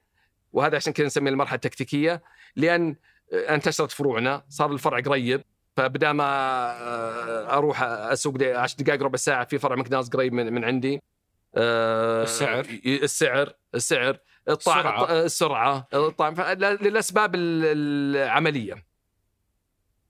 ولكن ليس العلامة المفضلة للأسباب اللي ذكرنا تكلمنا عنها. يعني في علامات استفهام كثيرة على العلامة التجارية. بعد الحين العشر سنوات الثالثة. والعشر سنوات الثلاثه هاي طال عمرك هذه نس- نسمي نسميها مرحلة الولاء. يعني اللي هي ماكدونالدز هي الأكثر استعمالا أو استخداما والأكثر ولاء. من قبل عملائنا. فباختصار أصبحنا جزء لا يتجزأ من حياة عملائنا اليومية. يعني وأصبحنا آه، يعني آه، جزء من آه، التواجد آه، في عندهم. آه، وهذه المرحلة الحقيقة اللي يعني كنا نبغى نسعى أن نوصل لها. وصلتوا 220 فرع. عندنا عندنا في نهايه 220 المرحلة نعم. الثالثة هذه. إن شركتنا 220 وفي المنطقة الغربية 150 عندك 300 و 371 فرع على مستوى المملكة. السنة هذه يا طويل العمر آه، عندنا خطه طموح إن شاء الله بنفتح 45 فرع زي على مستوى المملكة 45 فرع. عندنا 30 والمنطقة الغربية بيفتحون 15 فرع فبنفتح 45 فرع. فإن شاء الله مع نهاية السنة هذه عدد فروعنا بتوصل إلى أكثر من 415 فرع إن شاء الله مع نهاية السنة على مستوى المملكة. وبالتالي بنصبح أكبر سلسلة مطاعم خدمة سريعة في المملكة مع نهاية السنة هذه إن شاء آه، الله. لسه أنت ما وصلتوا ما بعد وصلنا. مين الأول؟ آه، هرفي ح- حاليا أوه. هرفي عنده 390 فرع. ما شاء الله. هرفي عنده 390 فرع. فخطتنا إن شاء الله مع نهاية السنة هذه إن شاء الله بتكون عدد فروعنا نتجاوزها. ويعني أنتم شاهدتوا أو أو شهدتوا مرحلة التحول اللي اللي عاشتها السعودية آه، مع الرؤية. نعم. وفيها عدة متغيرات تلامسكم سواء في تسهيل إجراءات الاستثمار سواء في التركيز على موضوع التوطين سواء آه، في موضوع الاهتمام بالمحتوى المحلي. نعم. لو نتكلم على أنتم تقريبا تقريبا عندكم 130 فرع قبل الرؤية وعندكم 110 فرع بعد الرؤية تقريبا هذه الحسبة. آه، وش اللي فرق في نشاطكم آه، سلبا أو ايجابا بعد إطلاق الرؤية؟ ممتاز ممتاز. أه سلبا ما في شيء سلبا. ايجابا فيه أمثلة كثيرة على ايجابا. أه اللي ذكرت لك إياه من شوي إن السنة هذه بنفتح 45 فرع على مستوى المملكة يعني وهذه أول سنة في 30 سنة الماضية نفتح هذا العدد ال- الكبير من الفروع. اللي يعني لو 30 سنة اللي راحت كان معدل 15 فرع. أتكلم عن إنه إنه والمنطقة الغربية. مجموع مجتمعين نفتح يمكن 15 فرع في السنة. هذه في أفضل الأحوال. أفضل الأحوال. يعني 15 20 15 20 هذا في أفضل الأحوال. السنة هذه بنفتح ضعف العدد هذا. وهذا يعكس مدى ثقتنا كمستثمرين في آه، حكومتنا وفي اقتصادنا وفي سوقنا. يعني آه، فأعتقد هذا الجواب طبعا. يمكن يعني آه، لما تشوف المستثمرين قاعدين يتوسعون وقاعدين وبخطة بس يمكن لأن الشعب يزيد مو لأنه الإجراءات لا, لا لا لا. هل اجراءات البلدية طبعا رخصه البناء؟ طبعا طبعا. رخصه إيصال الكهرب؟ هل هذا تحسن؟ كل كل شيء تحسن طبعا. كل شيء تحسن آه، كل شيء تحسن وقاعد يتحسن. ما بعد وصلنا في في مجالات كثيرة ما يعني آه، ما ما بعد وصلنا للي نسعى له ولكن الأهم بالنسبة بالنسبة لي أنا طال عمرك كمستثمر إني أحس إن ولأول مرة أحس إن صوتي مسموع. أحس إن رأيي يؤخذ. أحس إن متى اخذ رأيكم؟ وش في مثال أخذ رأيكم أخذ؟ أعطيك يوميا تاخذ آرائنا. إن الآن طال عمرك يعني اليوم اليوم يعني في آه، لجان مشتركة بين القطاع الخاص والقطاع العام في جميع الوزارات بدون استثناء. يعني آه، وهذا النهج اللي طال عمرك اللي آه، اللي نتج عن إعلان الرؤية وبرنامج التحول الوطني يعني زي ما أنت عارف يعني القيادة دائما هي اللي ترسم المسار. يعني وقيادتنا مثلا مولاي خادم حرمين الشريفين وولي عهدي الامين آه، يعني من ركائز برنامج التحول الوطني إشراك القطاع الخاص في صناعة القرار إن القطاع الخاص آه، يكون آه، مساهم كبير في تحقيق البرنامج. فالسياسة وضعت وأعلن عنها. والحكومة ماشية في السياسة هذه. و من تجربتي أنا الشخصية خلال 30 سنة اللي راحت مع مع الحكومة كان قبل الرؤية والبرنامج برنامج التحول الوطني كان دائما ينظر على القطاع الخاص على أنه عبء. دائما ونعامل على هذا الاساس اننا عبء وان رحنا اشتكينا آه، وبخنا إذا طالبنا اتهمنا بالجشع يعني آه، فدائما كان في نظرة آه، دونية للقطاع الخاص نظرة عن القطاع الخاص حمل يعني وعبء هذا قبل بعد إعلان الرؤية والبرنامج التحول الوطني كان في مرحلة لمدة سنة حوالي سنتين يعني 2015 إلى 2017 كان في شراكة شكلية. يعني في كثير من المسؤولين يمكن ما كانوا مقتنعين أو ما أو ما كانوا مهيئين نفسيا إنهم يعني فعلا يمارسون المطلوب. فكان في شراكة فعلية وكانت معاناة عشان يظهرون ان إنها شراكة ولكن في الواقع ما كانت شراكة. نقول شيء ويصير شيء آخر. أه ورشة عمل نقعد في ورشة عمل المحضر الاجتماع آه، محضر قبل ورشة العمل. فنجي نطالب إن نوقع المحضر الاجتماع وما في أي شيء من اللي يناقش في آه، في ورشة العمل. آه، فهذه صارت لمدة سنتين. بعدين دخلنا في مرحلة الشراكة الفعلية. من 2018 إلى اليوم مرحلة شراكة فعلية زي ما قلت لك صوتنا مسموع آرائنا يؤخذ فيها.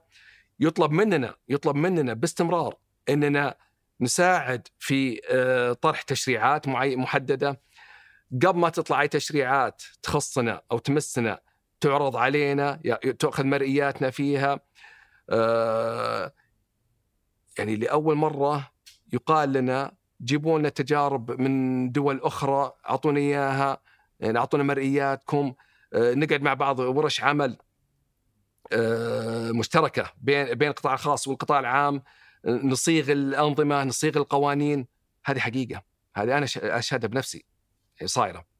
وهذه كلها أشياء إيجابية من وجهة نظرك لكن في آخرين يشوفون من السلبيات موضوع الهوامش. يعني في عندي أرقام إنه. هوامش القطاع صحيح. نزلت جدا. بعد الرؤية. جدا. فهذا عامل بعد سلبي. مو ب- مو بعد الرؤية. متى متى نزل؟ لا طبعا. نز- نزلت بعد جائحة كورونا. بعد بعد جائحة بعد كورونا. جائحة كورونا طبعا. طب قبلها موضوع التوطين موضوع ال آه، يعني رسوم ال- ال- ال- البلدية هذه كلها ارتفعت ولا لا؟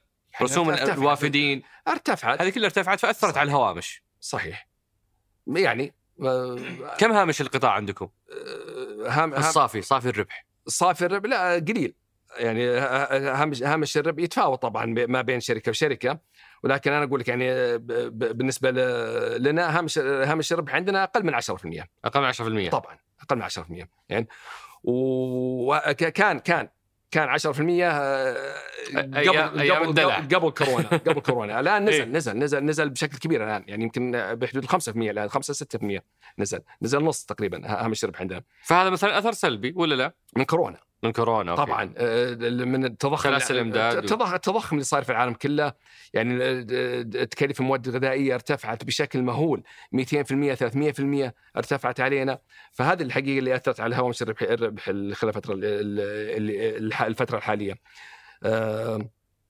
ولكن أن ال- الرسوم الحكومية آه، أثرت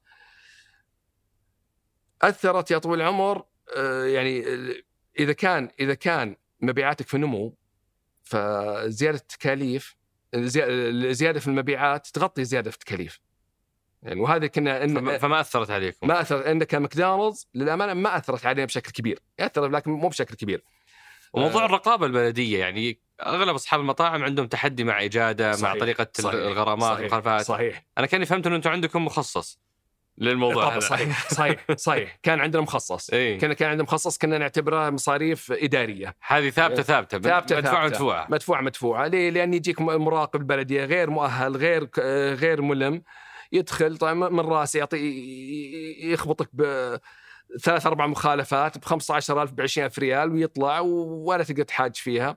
يعني فهذه كانت آه، يعني نقطة معاناة.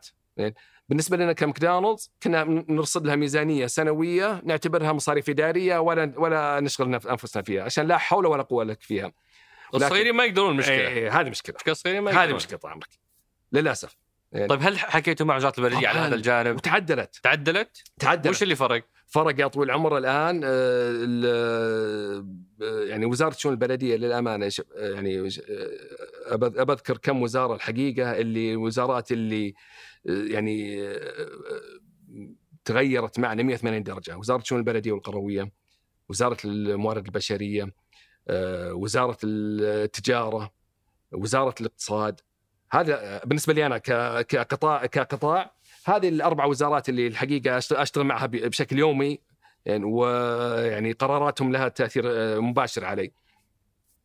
كل الأربع وزارات هذه اللي ذكرتها بدون استثناء بدون استثناء يشتغلون بنفس الروح والمنطق اللي تفضلنا فيه اللي روح الشراكة ورش عمل مشتركة يسمعون آرائنا يأخذون يطرحون علينا المسودات نعطي ملاحظات. إذا إذا إذا عندنا ملاحظات عليها إذا عندنا منطق مقنع يقتنعون ويعدلون. إذا عاد ما عندنا منطق مقنع من حقهم إنهم يت- يتمسكون وهذا اللي صاير. وما دام جبت طاري المواد البشريه، أنتم عندكم تجربة صراحة فريدة أو أو مميزة خلينا نقول في موضوع التوطين، يعني أنا أتذكر أول ما بدأت موجة توطين المطاعم اللغة العامة هي لغة تذمر واعتراض، صحيح. اتذكر الأمير ماجد يعني كصديق جامعة كان حديثه مختلف. صحيح. آه، في في ناحية إنه خلاص الموضوع صار ما هو ما في فائده من مناقشته كيف أتكيف معاه؟ فصار في المسار صار في أنتم الظاهر أول ما بدأ موضوع 5600 ريال أو أو 5000 6000 أو 5000 ريال وفي مسار مهني توصل مدير فرع صحيح. ما نعرف إيش صحيح فكان في حراك وجهود ممتاز. أثمرت اليوم أظن في فوق ال 4000 صحيح سعودي في ال... صحيح. لو لو كذا بشكل سريع عن هذه التجربة وأهم دروسها ممتاز بس أنا ما ودي بشكل سريع عشان هذا أعتقد إيه. من من اهم من اهم من أبد. المواضيع اللي اللي ودي اتطرق لها. اليوم الحقيقة آه، تجربتنا في التوطين أعتقد هذه من أنجح تجارب ماكدونالدز خلال 30 سنة اللي راحت في التوطين واللي أعتقد إن الكثير ممكن يستفيد منها آه، من تجربتنا. آه، يا طويل العمر أول شيء تجربتنا ما بدأت آه، في العشر سنوات اللي راحت أو 15 سنة اللي راحت تجربتنا بدأت من 30 سنة من أول يوم من أول يوم فتحنا ماكدونالدز بدينا في التوطين ليه؟ لأن شركة ماكدونالدز سياسة ماكدونالدز العالمية إن زي ما قلت لك شركة عالمية بوجه محلي قال يعني آه، علمونا إن كماكدونالدز لك زي ما تسعون المبيعات والأرباح وإلى آخره عليكم مسؤوليات لازم تتبنونها من أول يوم. المسؤولية الأولى تطوير وتنمية القطاع. قطاع المطاعم الخدمة السريعة. هذه بحكم ان ماكدونالدز هي الشركة الرائدة والكب والأولى في العالم فمن مسؤول مسؤوليتنا أننا ننهض بالقطاع كامل. ثانيا دعم الاقتصاد المحلي. دعم الاقتصاد المحلي آه، من خلال آه، توطين المنتجات آه، من خلال الإنفاقات الرأسمالية من خلال الرسوم اللي ندفعها للدولة سواء كانت على شكل رسوم كهرباء، رسوم جمارك وإلى آخره. يعني، دعم دعم دعم دعم الاقتصاد، يعني دعم المقاولين، الموردين إلى آخره. آه، وثالثا آه، آه، دعم الأعمال الإنسانية. فهذه ثلاث محاور رئيسية اللي اللي موجودة والتوطين والتوطين. فمن أول يوم ماكدونالدز قالوا ركزوا على أنكم توطنون أبناء وبناتكم في مطاعم ماكدونالدز. فمن هذا المنطلق بدينا.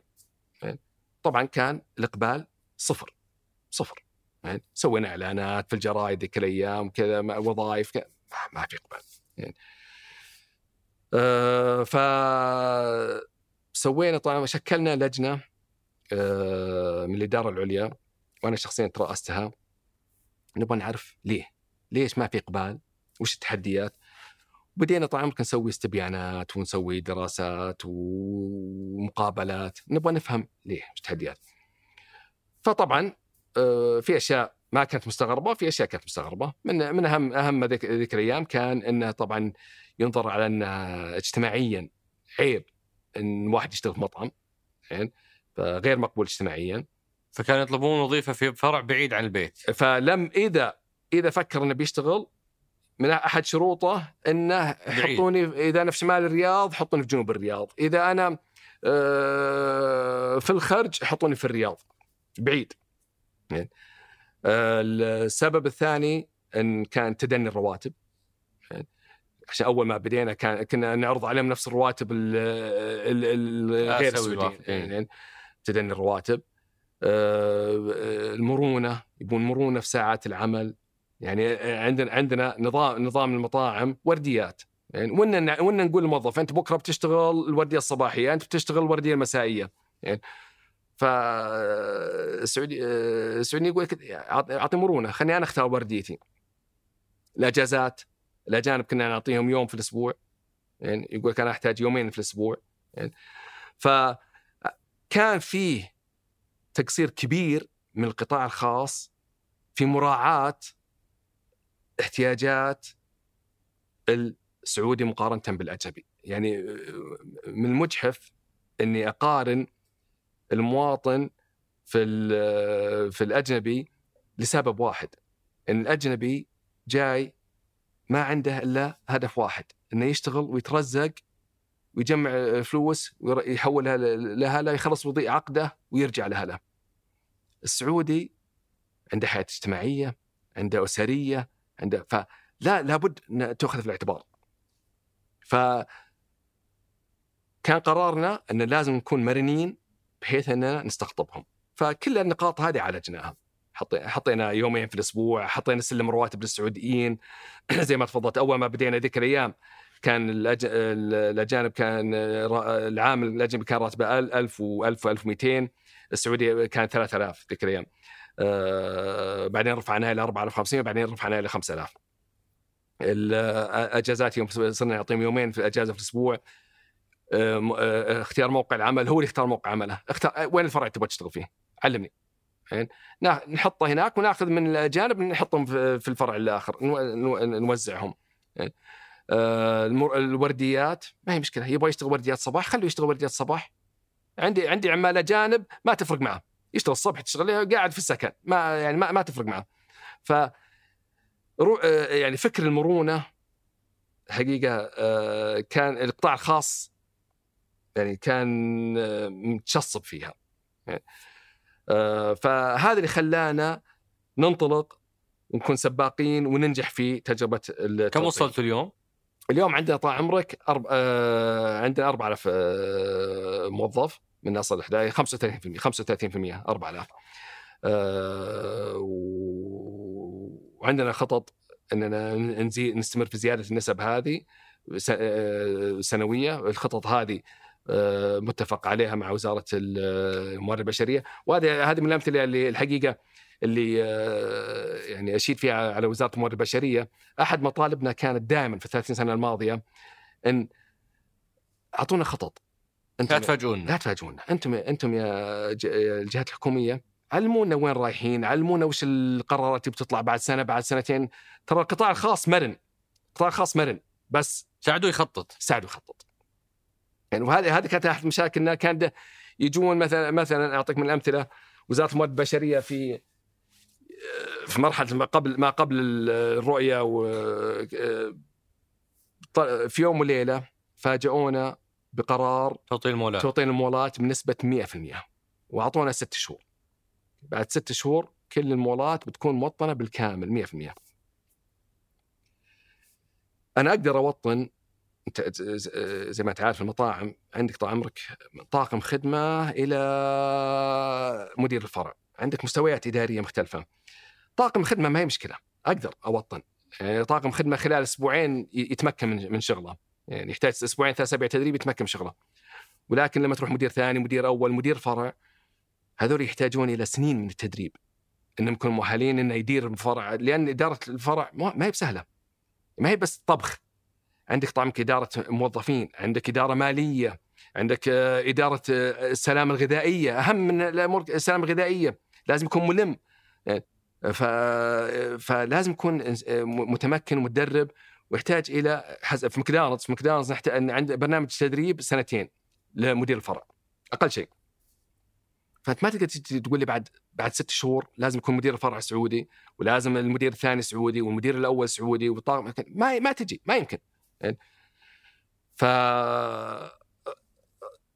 طلبت موعد مع الوزير في ذاك الوقت ورحت وقابلته.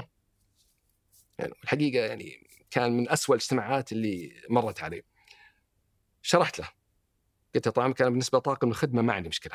أو أوطن طاقم الخدمة بالكامل. بس مدير المطاعم أحتاج إلى سنتين.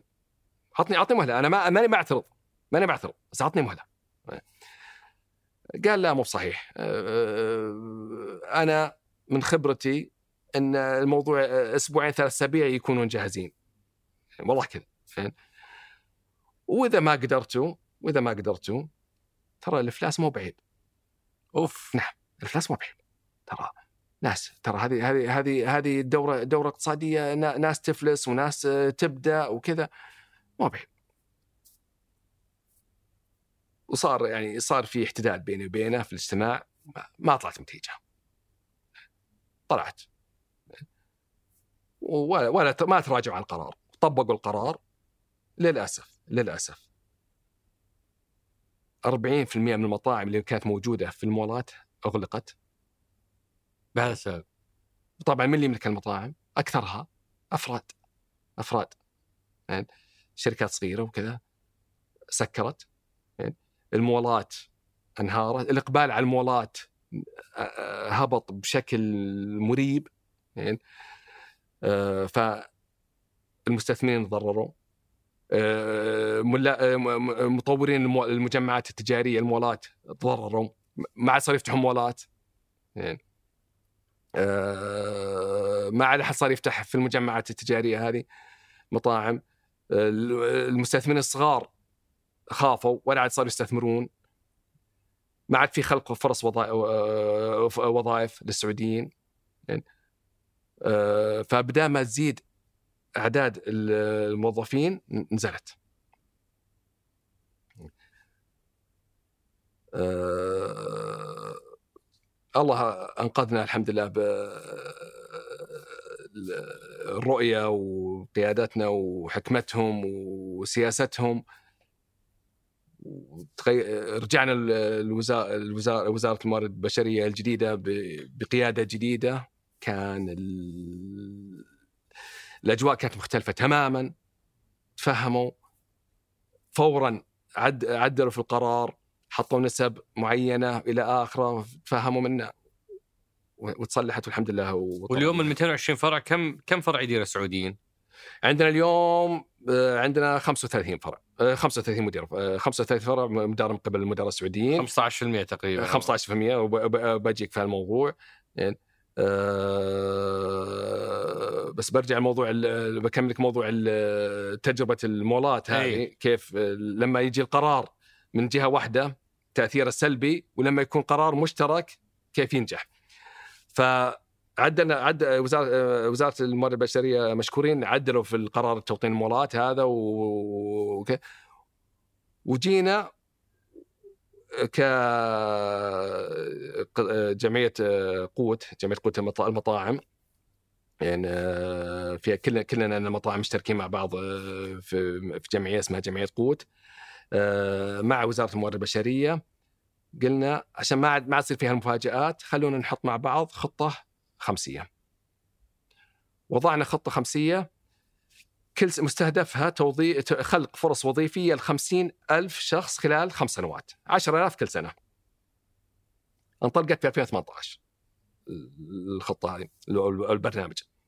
السنة الأولى الخطة 10000 الو- فعليا وظفنا 17000 السنة الأولى. والسنة الثانية ال 10000 وظفنا 21000 والسنة الثالثة 27000 والسنة الرابعة 32000 في سنة واحدة سنة واحدة. فال 50 التوتال كم صارت؟ والله ما ما جمعتها. هذه 20 50 يعني يمكن يمكن وصلت يمكن 80000 لحد الآن. لحد وأنا ما بعد خلصنا السنة الخامسة. فيعني مع مع السنة مع بيكون مع, مع انتهاء السنة السنة هذه تكون السنة الخامسة بنكون حققنا ضعف. الهدف. فيبين لك طبعا الفرق بين لما يكون القرار يجي يملى عليك من طرف واحد بدون ما ياخذ رأيك في الموضوع وبين الشراكة الفعلية اللي صارت بيننا وبين الموارد البشرية على الخطة الخمسية هذه وكيف نتائجها. وفي آه، أبو مها يمكن بما أننا نتكلم على قطاع المطاعم آه، أنتم رواد في القطاع وأكيد عندكم تجربة تهدونها. اليوم في موجة لمطاعم البرجر والمطاعم بشكل عام. بسولف مع واحد من حقين تطبيقات التوصيل يقول لي كل المطاعم فيها نزول. كل المطاعم من الربع الأخير العام الماضي وهالسنة واضح إن الأمور متوجهة إلا مطعمين البيك وماك يقول هذول ما تغيرت أمورهم ما شاء الله في زود اي آه وش قراءتك اللي صاير في القطاع؟ ليش كثير قاعد نشوف ناس يفلسون، مطاعم تقفل، آه حتى مطاعم مستمرة آه نتائجها قاعدة تراجع. آه وش التفسير؟ آه، صراحة أنا غير مطلع على آه، أداء وأرقام المطاعم الأخرى ولكن الحمد لله فضل رب العالمين صحيح إن يعني الحمد لله إحنا كمكناز آه، مبيعاتنا وفي نمو وحصتنا السوقية تزداد كل سنة عن سنة الحمد لله وتسالني عن السبب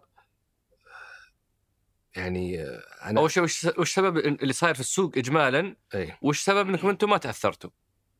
يعني كل إيه. كل قاعد يشتكي قوة شرائيه نازلة، الانفليشن صحيح صحيح وكل القطاعات صحيح. تأثرت، صحيح وش السر؟ صحيح الإدارة الاداره إنك يعني يجب إنك تعرف كيف تتعامل آه، أو كيف تدير آه، شركتك بحيث إنك إنك تحد من تأثيرات الاقتصادية اللي صايرة. ما في شك. تضخم القوة الشراء- الشرائية في انكماش هذه حقيقة. يعني التضخم قاعد يزيد آه، الت- التكاليف قاعدة ترتفع. هذه ح- كلها حقائق. هذه ما لا الكل يلمسها. لكن كيف أتعامل معها؟ آه، بحيث إن أحد من تأثيرها المالي علي بدون ما آه، أخسر آه، حصة سوقية. أعتقد هذا يعني الجواب في هالشيء هذا. مين منافسكم؟ مين المنافس اللي تناظرونه؟ هل هو البيك ولا هيرفي الكل ولا الكل الكل منافسنا برجر كينج ولا الكل KFC؟ الكل. أي مطعم أي مطعم خدمة سريعة منافس له. بس مين أكثر واحد دائما حاضر في تقاريركم حاضر في نقاشاتكم كلهم اجتماعاتكم؟ كلهم حاضرين.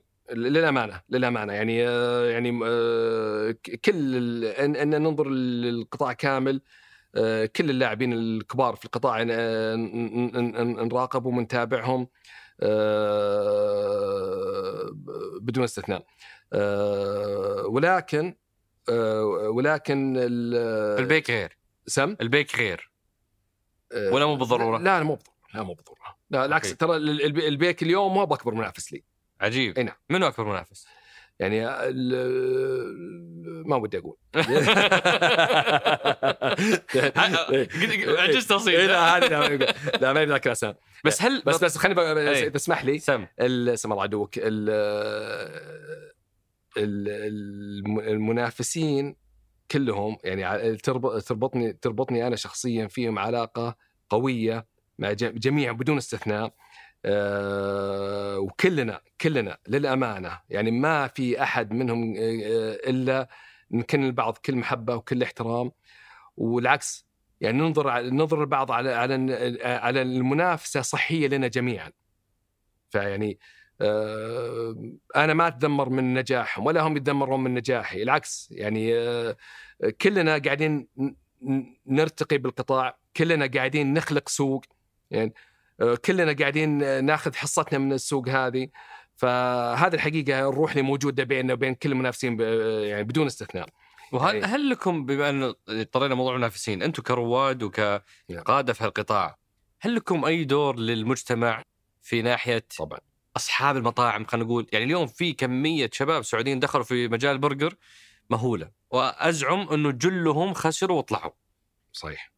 إيش دوركم لتمكينهم لتقويتهم. لدعمهم؟ هل في شيء؟ ممتاز. آه، ممتاز. طال عمرك طبعا آه، إن من مؤسسين جمعية قوت جمعية المطاعم المؤسسين. وأنا شخصيا رئيس مجلس إدارة الجمعية. واحد أهم آه، أهداف الجمعية هو دعم صغار المستثمرين دعم صغار المستثمرين دعمهم طال عمرك في في البرامج التدريبية في المعرفة في ال franchising في في كل هالجوانب. ونشاركهم بتجاربنا كقطاع. يعني فمسوي يعني دامجين تجربة ماكدونالدز مع تجربة آه، البيك مع تجربة آه، آه، دومينوز بيتزا. دومينوز كودو والى آخره. يعني ف يعني دامجين تجاربنا في برامج تدريبية وبرامج تعريفية لهم. وعندنا أكاديمية أكاديمية قوت. هذه يعني مستهدفة الش- الشريحة هذه.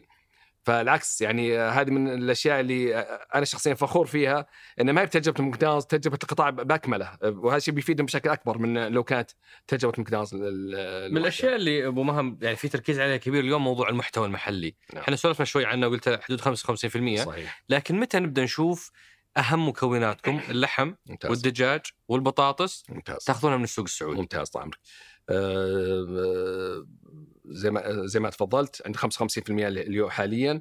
ال- الآن شغالين على الدجاج. يعني الآن شغالين على الدجاج وقطعنا شوط كبير فيه. نهاية السنة هذه إن شاء الله بيكون الدجاج موطن. يعني آه، فهذا بيرفع نسبتنا بشكل كبير. من 55% بنرتفع إلى حوالي 70% مع الدجاج الحالة. آه، يبقى ال- المنتجين الرئيسيين اللحم اللحم والبطاطس. اللحم موجود في الخطة. وهذا بيرجعني إلى برنامج التحول الوطني والرؤية. أنا شخصيا من 30 سنة أترجى الشركات العالمية تعالوا افتحوا. عندنا في السعودية استثمروا عندنا في السعودية. وكان دائما الجواب لا لا لا. يعني رفض.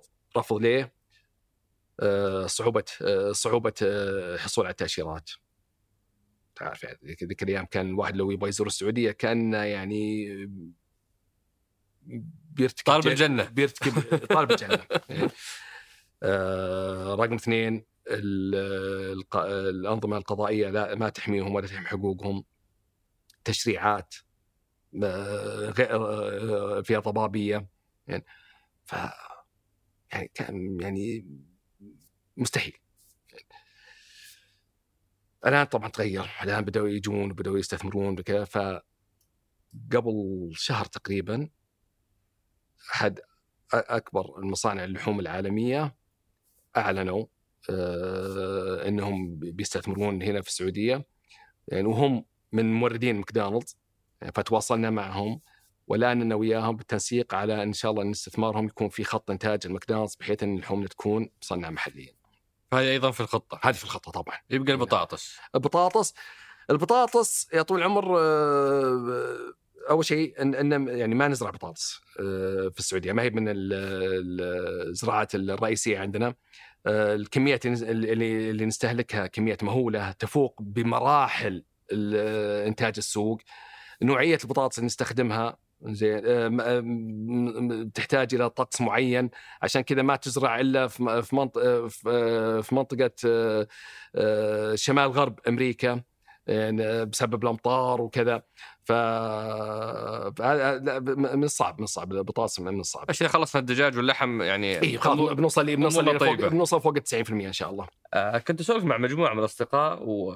وأسألهم وش يهمكم تعرفون من هالحلقة؟ فجتني مجموعة تساؤلات صراحة، واحدة منها يقول يعني يبدو يبدو أنه اليوم أنتم عندكم أكبر حصة أو من أكبر الحصص السوقية في قطاع المطاعم، صحيح ومع ذلك أنتم من أكبر المنفقين في التسويق، صحيح وش تبون؟ إذا أنتم حاضرين وش تبون؟ آه، نبي طال عمرك نحافظ على حصتنا السوقية ونبيها آه، تنمو فهدفنا دائما أن أن نزيد حصتنا السوقية. وفي تحديدا في كاس العالم ما دخلتوا باسم ماك، دخلتوا ب آه شو اسمه هو؟ ديليفري إي ماك دليفري ماك دليفري. وش كانت الفلسفة؟ لا تسويق تسويق لخدمة التوصيل. تسويق لخدمة التوصيل. لأن خدمة التوصيل يا طويل العمر جديدة على كثير من الأسواق. إن إن في السعودية ما هي بجديدة إن اطلقناها قبل 20 سنة.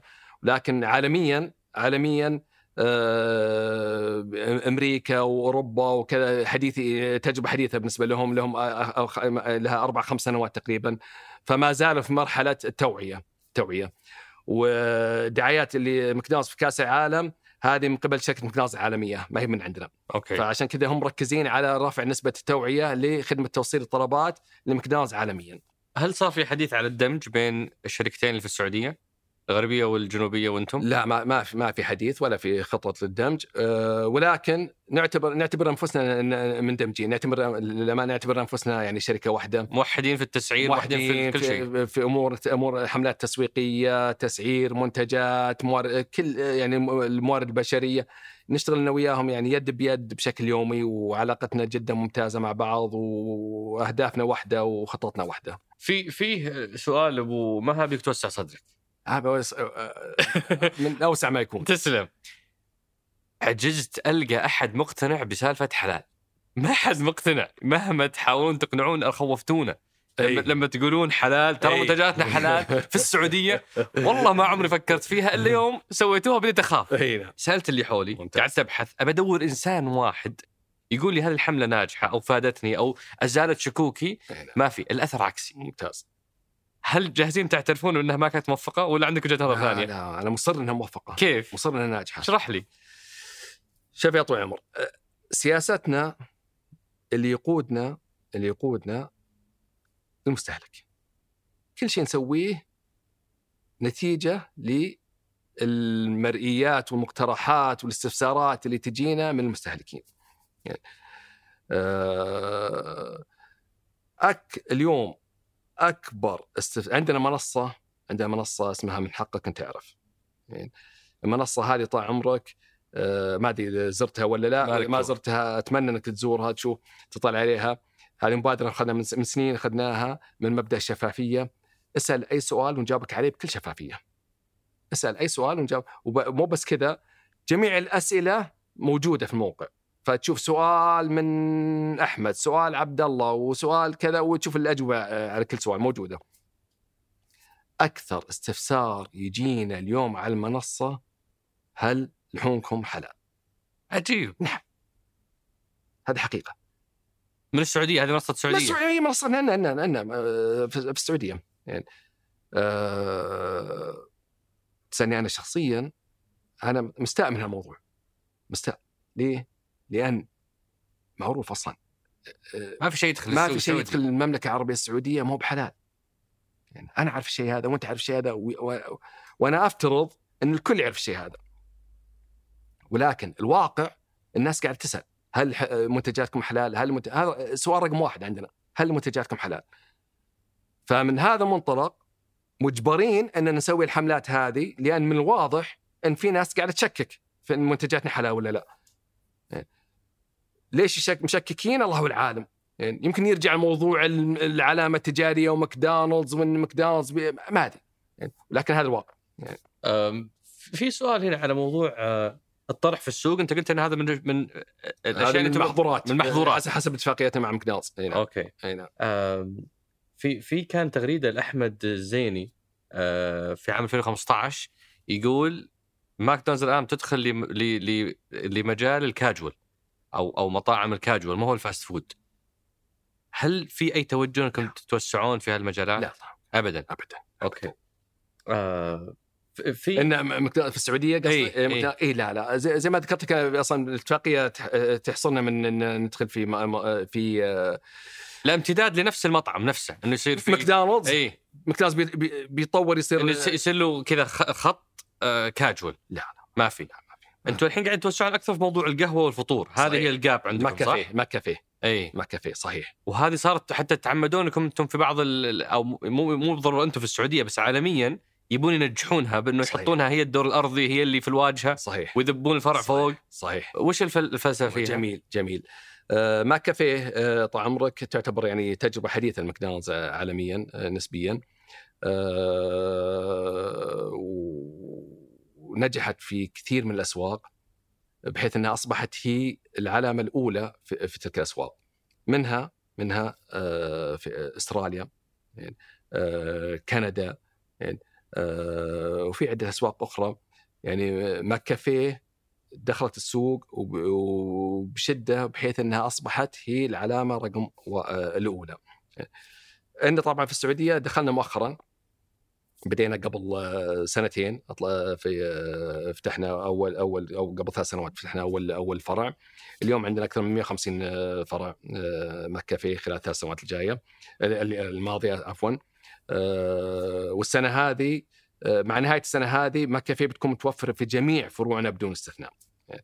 آه، وعندنا خطه طموحه للماك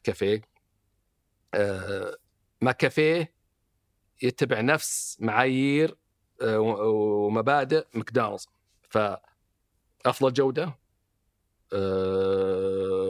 سرعة بقل اسعار يعني هذا هذا الحقيقة اللي بتسألني وش يميز ماك كافيه عن البقية؟ هذا هذا هذه الثلاث محاور الرئيسيه اللي إحنا مركزين عليها. ولو بختم أبو مها آه، بسؤال وأقول لك أنت قسمت ال 30 سنة الماضية كل 10 سنوات لها ثيم نعم. فالعشر سنوات القادمة إيش الثيم حقها؟ وين تبي توصلون؟ وين نبي نوصل طبعا ان زي ما آه، آه، حرصنا ان نبقى في مرحلة الولاء هذه آه، ما بعدها مرحلة يعني آه، فالبقاء في مرحلة الولاء آه، زيادة حصتنا السوقية زيادة توسعنا اليوم اليوم عندنا طال عمرك زي ما قلت لك 370 فرع نهاية السنة هذه بيكون عندنا 400 فرع خطتنا إن شاء الله مع 20 30 تكون 600 فرع إن شاء الله. 100 فرع. إن شاء الله مع مع نهاية 20 30 تكون 600 فرع على مستوى المملكة. منها 400 في منطقتنا و200 في المنطقة الغربية. موضوع الجامعة. مفترضنا ضمن العشر سنوات الجاية جامعة ماك؟ جامعة جامعة لا جامعة اليوم طال عمرك بدأت؟ إي, إي نعم. إي آه. نعم. ممتاز. وش فكرتها هذه؟ عند يا طويل العمر مركز تدريب عندنا عندنا مركز تدريب. آه طبعا آه، من من من أول يوم فتحنا أسسنا مركز تدريب خاص لموظفينا، مركز تدريب خاص لموظفينا. آه نقدم برامج تدريبية لجميع الموظفين من طاقم خدمة إلى رئيس الشركة. ودورات مستمرة. آه وكانت هي آه، مركز تدريب آه، وماكدونالدز عندهم جامعة ماكدونالدز. آه، اسمها Hamburger University HU الجامعة هذه جامعة معتمدة رسمية معتمدة وتقدم شهادة بكالوريوس. جامعة ماكدونالدز لها ثمان فروع في العالم فقط. ماكدونالدز موجودة في في 100 دولة من هال 100 دولة في ثمان دول اللي فيها جامعة ماكدونالدز. وبشرك الحمد لله الرياض اعتمدت ك تاسع الجامعة.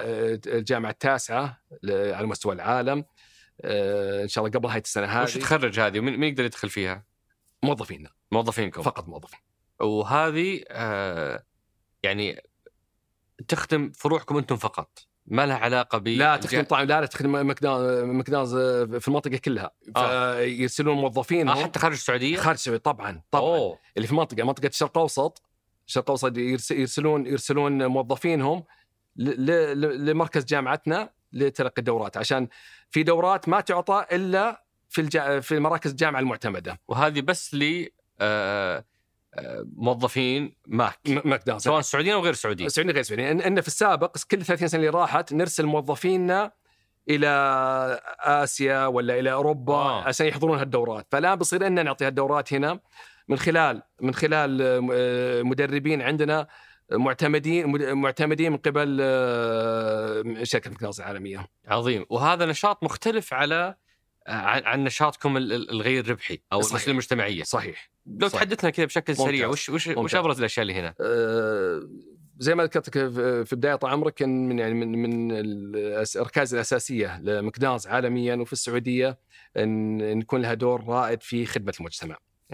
فمن هذا المنطلق عندنا منصة اسمها منصة أجيالنا آه، آه، هذه منصة سعودية منصة أجيالنا. نركز فيها على ثلاث محاور رئيسية. ال- ال- الت- التثقيف الصحي ال- عن منتجاتنا وعن الشفافية وتحسين جودة منتجاتنا. تحسين فهذه من الأشياء اللي يعني نشتغل عليها باستمرار. باستمرار آه، نعمل على تحسين جودة منتجاتنا إزالة المواد الحافظة إزالة الملونات إزالة آه، تخفيض نسب الاملاح آه، الصوديوم و إلى آخره. آه، عندك يا طويل العمر ال- الجانب الإنساني ال- الأعمال الإنسانية آه، مركزين فيها بشكل كبير على فئة آه، أطفال متلازمة الداون. آه، خلال الخمس سنوات الماضية آه، طبعا نسوي خلال سنة حملات مستمرة آه، للتبرع للجمعيات هذه. وخلال الخمس سنوات الماضية تبرعنا بأكثر من 10 مليون ريال لصالح الفئة هذه. من خلال ثلاث جمعيات آه، جمعيات آه، صوت وديسكا فدعم مستمر للبرامج هذه. توظيف توظيف متلازمة داون. عندنا اليوم أكثر من 60 آه، شاب يشتغلون معنا في مطاعمنا وعندنا خطة ان نوصل إلى أكثر من 200 200 خلال السنتين الجاية إن شاء الله. آه، والجانب الثالث التوطين آه، التوطين آه، زي ما قلت لك يعني آه، فخورين في ريادتنا المجال في مجال توطين الوظائف وحريصين على أننا نشرك القط- القطاع الخاص ونشرك العامة بتجربتنا ونجاحاتنا وإلى آخره. آه، فهذه من الثلاث ركائز اللي البرامج اللي مركزين عليها. جميل أنا أنا عارف إني قلت لك هذا كان آخر سؤال لكن تفضل بختم بسؤال آه يعني إحنا دائما في سقراط نركز على قصة التحول اللي قاعدين نعيشها وناخذها من عدة زوايا ومن زاويتكم كانت تجربة القطاع الخاص وتفاعله مع القطاع الحكومي. لو بطلب منك وهذا يكون ختام حلقتنا أبرز تغير آه لمسته مع قصة أو مثال يقدر يثبت أو يوثق هذا التغير اللي أنتم عشتوه كمستثمرين مع الجهات الحكومية. جميل جميل. عندي يا طويل العمر إذا تسمح لي أبش- أبشركك بقصتين خير وبركة. صار يعني صارت تبين لك الفرق ما قبل وبعد. القصة الأولى يا طويل العمر نظام التسمم الغذائي. التسمم الغذائي. إذا بتذكر قبل ما أدري 10 سنوات ولا 12 سنة جت هبة عند وزارة الشؤون البلدية والأمانات على تسكير المطاعم ل- لحالات اشتباه بالتسمم. يعني فجأة.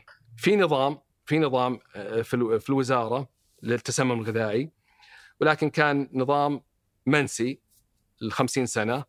بعدين قرر في ذاك الوقت إنهم يفعلون النظام. وصار فيه مداهمات مداهمات على مطاعم وإغلاق. النظام النظام يقول إذا صار فيه آه، اشتباه النظام القديم كان يقول إذا في اشتباه حالة تسمم تغلق المنشأة لمدة سبع أيام وإذا ثبت التسمم تغلق لمدة 30 يوم ومع غرامة. زين فالنظام تغلق سبع أيام تقطع رزقي سبع أيام على اشتباه. حط خط تحت كلمة اشتباه. وش الاشتباه؟ إن أي أحد يرفع السماعة يكلم البلدية ويقول أنا والله رحت اليوم للماكدونالدز وتغديت وجاني تسمم. ما تدري الا مداهمين المطعم بدوريات بسيارات البلدية وإلى آخره يقفلون المطعم بالسلاسل ويحطون عليها 100 sticker تم إغلاق المطعم بسبب تسمم. أنت مار من عند المطعم بتشوف هالضجة وبتشوف هالاستيكرات وش بتصير؟ ما عاد أنت مقبل على الماكدونالدز مدى الحياة، صح ولا لا؟ راحت سمعه الشركة. وصاروا بعد والاسوء إنهم صاروا يسووا يروجون هالحملات على وسائل الإعلام والتواصل الاجتماعي فتم اليوم إغلاق 270 مطعم أه ويحطون صورة ماكدونالدز أه فأعدمتنا أعدمتنا وكل الحالات اللي صارت كانت اشتباه. سبع أيام بعدين بعد ما تخلص سبع أيام يقول لك افتح مطعمك؟ وبعد ما تطلع نتائج التحاليل بعد ثلاث شهور أربع شهور خمس شهور تطلع تطلع نتائج التحاليل نتائجكم سليمة. كم قفلوا لكم المطعم؟ عشرات. عشرات. عشرات. كم منها صار فعلا في حالة تسمم؟ ولا حالة. ولا ولا مطعم. ولا مطعم. ولا مطعم. كله اشتباه. أصلا وهذا كنت أقوله دائما لو الله لا يقدر الله لا يقدر. يعني ذكرت في بداية اللقاء لو صار عندي حالة تسمم الله لا يقدر. الضحايا ما حيكون واحد ولا اثنين. بيكونون كل اللي زاروا فرع ذاك اليوم مئات آلاف. بتصير فبتصير تسمم حالات تسمم جماعية. ما يعني من شبه المستحيل أن تصير عندك حالة تسمم فردية. والله الفرع زاره ألف بس واحد يتسمم أو اثنين يتسمموا. شبه مستحيل. ف طلبت يعني طلبت اللقاء مع الوزير الشؤون البلدية كان الدكتور محمد آل الشيخ الله يذكره بالخير. أه قابلته وتفهم تفهم تفهم المنطق وتفهم وكان منطقي. أنا إذا ثبت تسمم مو مو تسكني شهر اغلقني بالكامل لو تبي. بس لا لا لا تشوه سمعتي وتقطع رزقي على اشتباه. هي كانت مشكلة في كلمة اشتباه. واشتباه من شخص واحد. شخص واحد يكفي. شخص مغرض شخص زعلان يمكن شخص راح وزعل من موظف ولا زعل من تجربة ولا زعل من أي يرفع السماعة يتهمني بالتسمم يجون يقفلوني أسبوع. تفهم. وقال نادى الوكيل المعني. وقال كذا كذا كذا موضوع وأنا أتفق مع أن النظام يجب إعادة صياغته بحيث إنه ما يكون مجحف للقطاع الخاص وإلى آخره يعني سووا ورشة عمل وعدلوا في النظام. طلعت أنا مستبشر بالخير خلاص. تواصلت مع الوكيل رتبنا يوم آه، ورشة عمل دعينا الأسامي آه، المعروفة في السوق قعدنا طال عمرك ورشة العمل دخل وكيل آه، صور معنا وطلع. بس. بس. دخل وصور وطلع. ما حضر الورشه حضر اللي تحته مسؤول عن التسمم أو شيء قسم التسمم كذا حضر معنا الورشة. حكينا حكينا حكينا حكينا. ما أقتنع ولا كلمة من اللي قلناه. خلص خلصنا جاب المحضر مجهز المحضر يعني قال هذا المحضر النهائي يعني ولا صار في أي تعديل. هذا قبل الرؤية. بعد الرؤية رجعنا فتحنا موضوع مرة ثانية مع آه، نفس الوزارة يعني مع مع الوزير آه، الشؤون البلدية؟ أمر وجه بتشكيل لجنة مشتركة بين الوزاره وبين القطاع الخاص يعني ولجنة فعلية. قعدنا مع في اللجنة طلبوا مننا قالوا أنتم أعطونا مقترحاتكم. ونبغى مقترحاتكم تكون مبنية على تجارب عالمية. فأخذنا أربع دول. أخذنا طال عمرك والله ناسي أخذنا أمريكا أخذنا بريطانيا أخذنا كندا وأخذنا آه، دولة رابعة الإمارات أظن. أخذنا أربع دول متقدمة. جبنا آه، أنظمة التسمم الغذائي ونا وياهم على مدى على مدى أشهر. قعدنا مع بعض أصغنا النظام الجديد. وطبق النظام. طبق فشوف كيف الفرق بين هذا مثال. المثال الثاني طال عمرك ال 24 ساعة. في التسعينات كان مسموح لنا نفتح 24 ساعة. كنا نفتح 24 ساعة بعض بعض الفروع وكانت تمثل نسبة كبيرة من المبيعات. يعني يعني فوق من 5 إلى 10% من المبيعات تجي في هالفترة. يعني آه، عندك طبعا عندك طلبة عندك أطباء عندك ناس يشتغلون في ورديات ليلية إلى آخره. في في في طلب. آه، بعدين جاء قرار منع ال 24 ساعة. آه، وسمحوا المطاعم إنها تشتغل لين الساعة 2 صباحا. فتفتح بعد الفجر تسكر تسكر 2 الفجر وتفتح بعد تفتح بعد الفجر. قلنا لا حول ولا قوة إلا بالله. يعني حاولنا نسوق ل 24 ساعة. ما, ما كان في أي تقبل. بعدين جت الطامة الكبرى لما سمعنا وبدأوا يكتبون في وسائل الإعلام بدأوا يصرحون إن في كان صار في دراسة إنهم يسكرون 9 المساء بيجبروننا الإغلاق الساعة 9 المساء. 70% من مبيعات القطاع تجي من بعد صلاة العشاء. بحكم طبيعة أجواءنا الناس ما تطلع في في النهار إلا للضرورة. كل الناس يطلعون يتمشون ويتعشون كل شيء في فترة مساء. 70% من فأنت بتجي بتسكر الساعة 9 المساء بتقتل قطاع الاقتصاد كله. مو بس المطاعم يعني كل مج... الأنشطة. رحنا وتكلمنا وسو وحاولنا يعني حاولنا نهديهم. ما كان في كانوا كانوا معزمين. ماشيين ماشيين في المسار. يعني وكانوا يعطون مبررات ما بذاكر الحين ولكن يعني ما لها يعني القطاع الخاص والإقتصاد كان آخر همهم. كان عند أولويات أخرى يعني ما لها أي علاقة في القطاع. بعد الرؤية وبرنامج تحول رحت قابلت معالي وزير التجارة الدكتور القصبي. وقلت له سويت له دراسة. سويت له دراسة قدمتها له. فوائد ال 24 ساعة على الدولة ميزانية الدولة وعلى المجتمع على التوظيف. يعني كم فرصة وظيفية بتخلق. يعني آه، فوائدها للمجتمع. يعني آه، وهكذا. خلال 24 ساعة طلع قرار بالسماح بال 24 ساعة. مجددا. يعني مجددا اللي, اللي كان موجود سابقا. اي إلغي إلغي. وقف لمدة 15 سنة ولا 20 سنة. في 24 ساعة سمحوا في آه، رجعوا سمحوا في آه، فتح المطاعم 24 ساعة. فيها خدمه للمجتمع. عندك أطباء عندك طلبة عندك رجال أمن عندك يبون يبون يأكلون. كان ما ما كان في شيء مفتوح. يعني آه، فيها منفعة للقطاع الخاص فيها منفعة للتوطين توظيف فيها منفعة للدولة. ياخذون رسوم علينا. تبغى رخصة 24 ساعة خذ رخصة 24 ساعة وادفع رسوم عليها. خير وبركة. وهذه تقدر تلخص فيها ال الاختلاف اللي بديتوا آه، تلاحظونه آه كقطاع خاص. هذه الامثله طبعا تبين لك يعني آه، أنا أنا شخصيا أنظر أن يعني آه، مع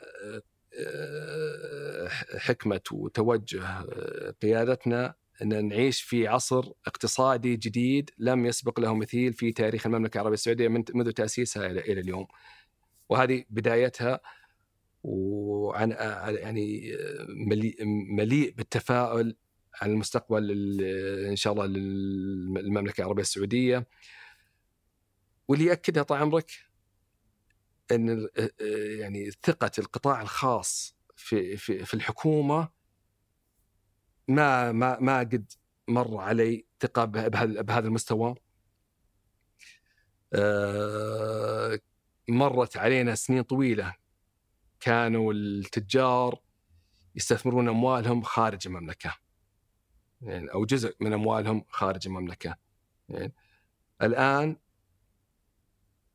اللي اللي أنا أشوفه واللي أعرفه سواء كان من طرفنا ولا من طرف يعني معارفنا رجال الاعمال كذا صار العكس الآن. بسبب الثقة اللي موجودة بسبب التفاؤل اللي موجود بسبب الفرص اللي موجودة. ما عاد أحد يفكر إنه يستثمر آه، خارج. هذا أفضل مكان للاستثمار. ليس بس آه، للسعوديين لكل العالم. وهذا حتى اللي اسمع من من رجال الأعمال الأجانب الآن. صار في كل الاعين صارت على السعودية وكل صار يبحث عن الفرص الاستثمارية في السعودية وكل له رغبة إنه يستثمر في المملكة العربية السعودية. ويعني أنا في ختام هالحوار ما أقدر أقول إلا شكرا على قبول الدعوة. الله يطول موفقين في الوصول ل 600 فرع إن شاء الله. في 2030 وما يصاحبها من زيادة آه، توطين ومحتوى محلي. شكرا أبو مها على قبول الدعوة. شكرا لك يا أبو عبد الرحمن على الاستضافة وسعيد جدا وأتمنى لك التوفيق. شكرا لكم. شكرا لفهد القصير في إعداد وإنتاج الحلقة. ياسر الغانم وعبد الرحمن عطاس وياسر كدشة خلف الكاميرات. في تسجيل الصوت يوسف إبراهيم وفي التحرير محمد الديني وفي الهندسة الصوتية محمد الحسن وفي الإشراف على الإنتاج رزان دهيثم هذا بودكاست سقراط أحد منتجات شركة ثمانية للنشر والتوزيع.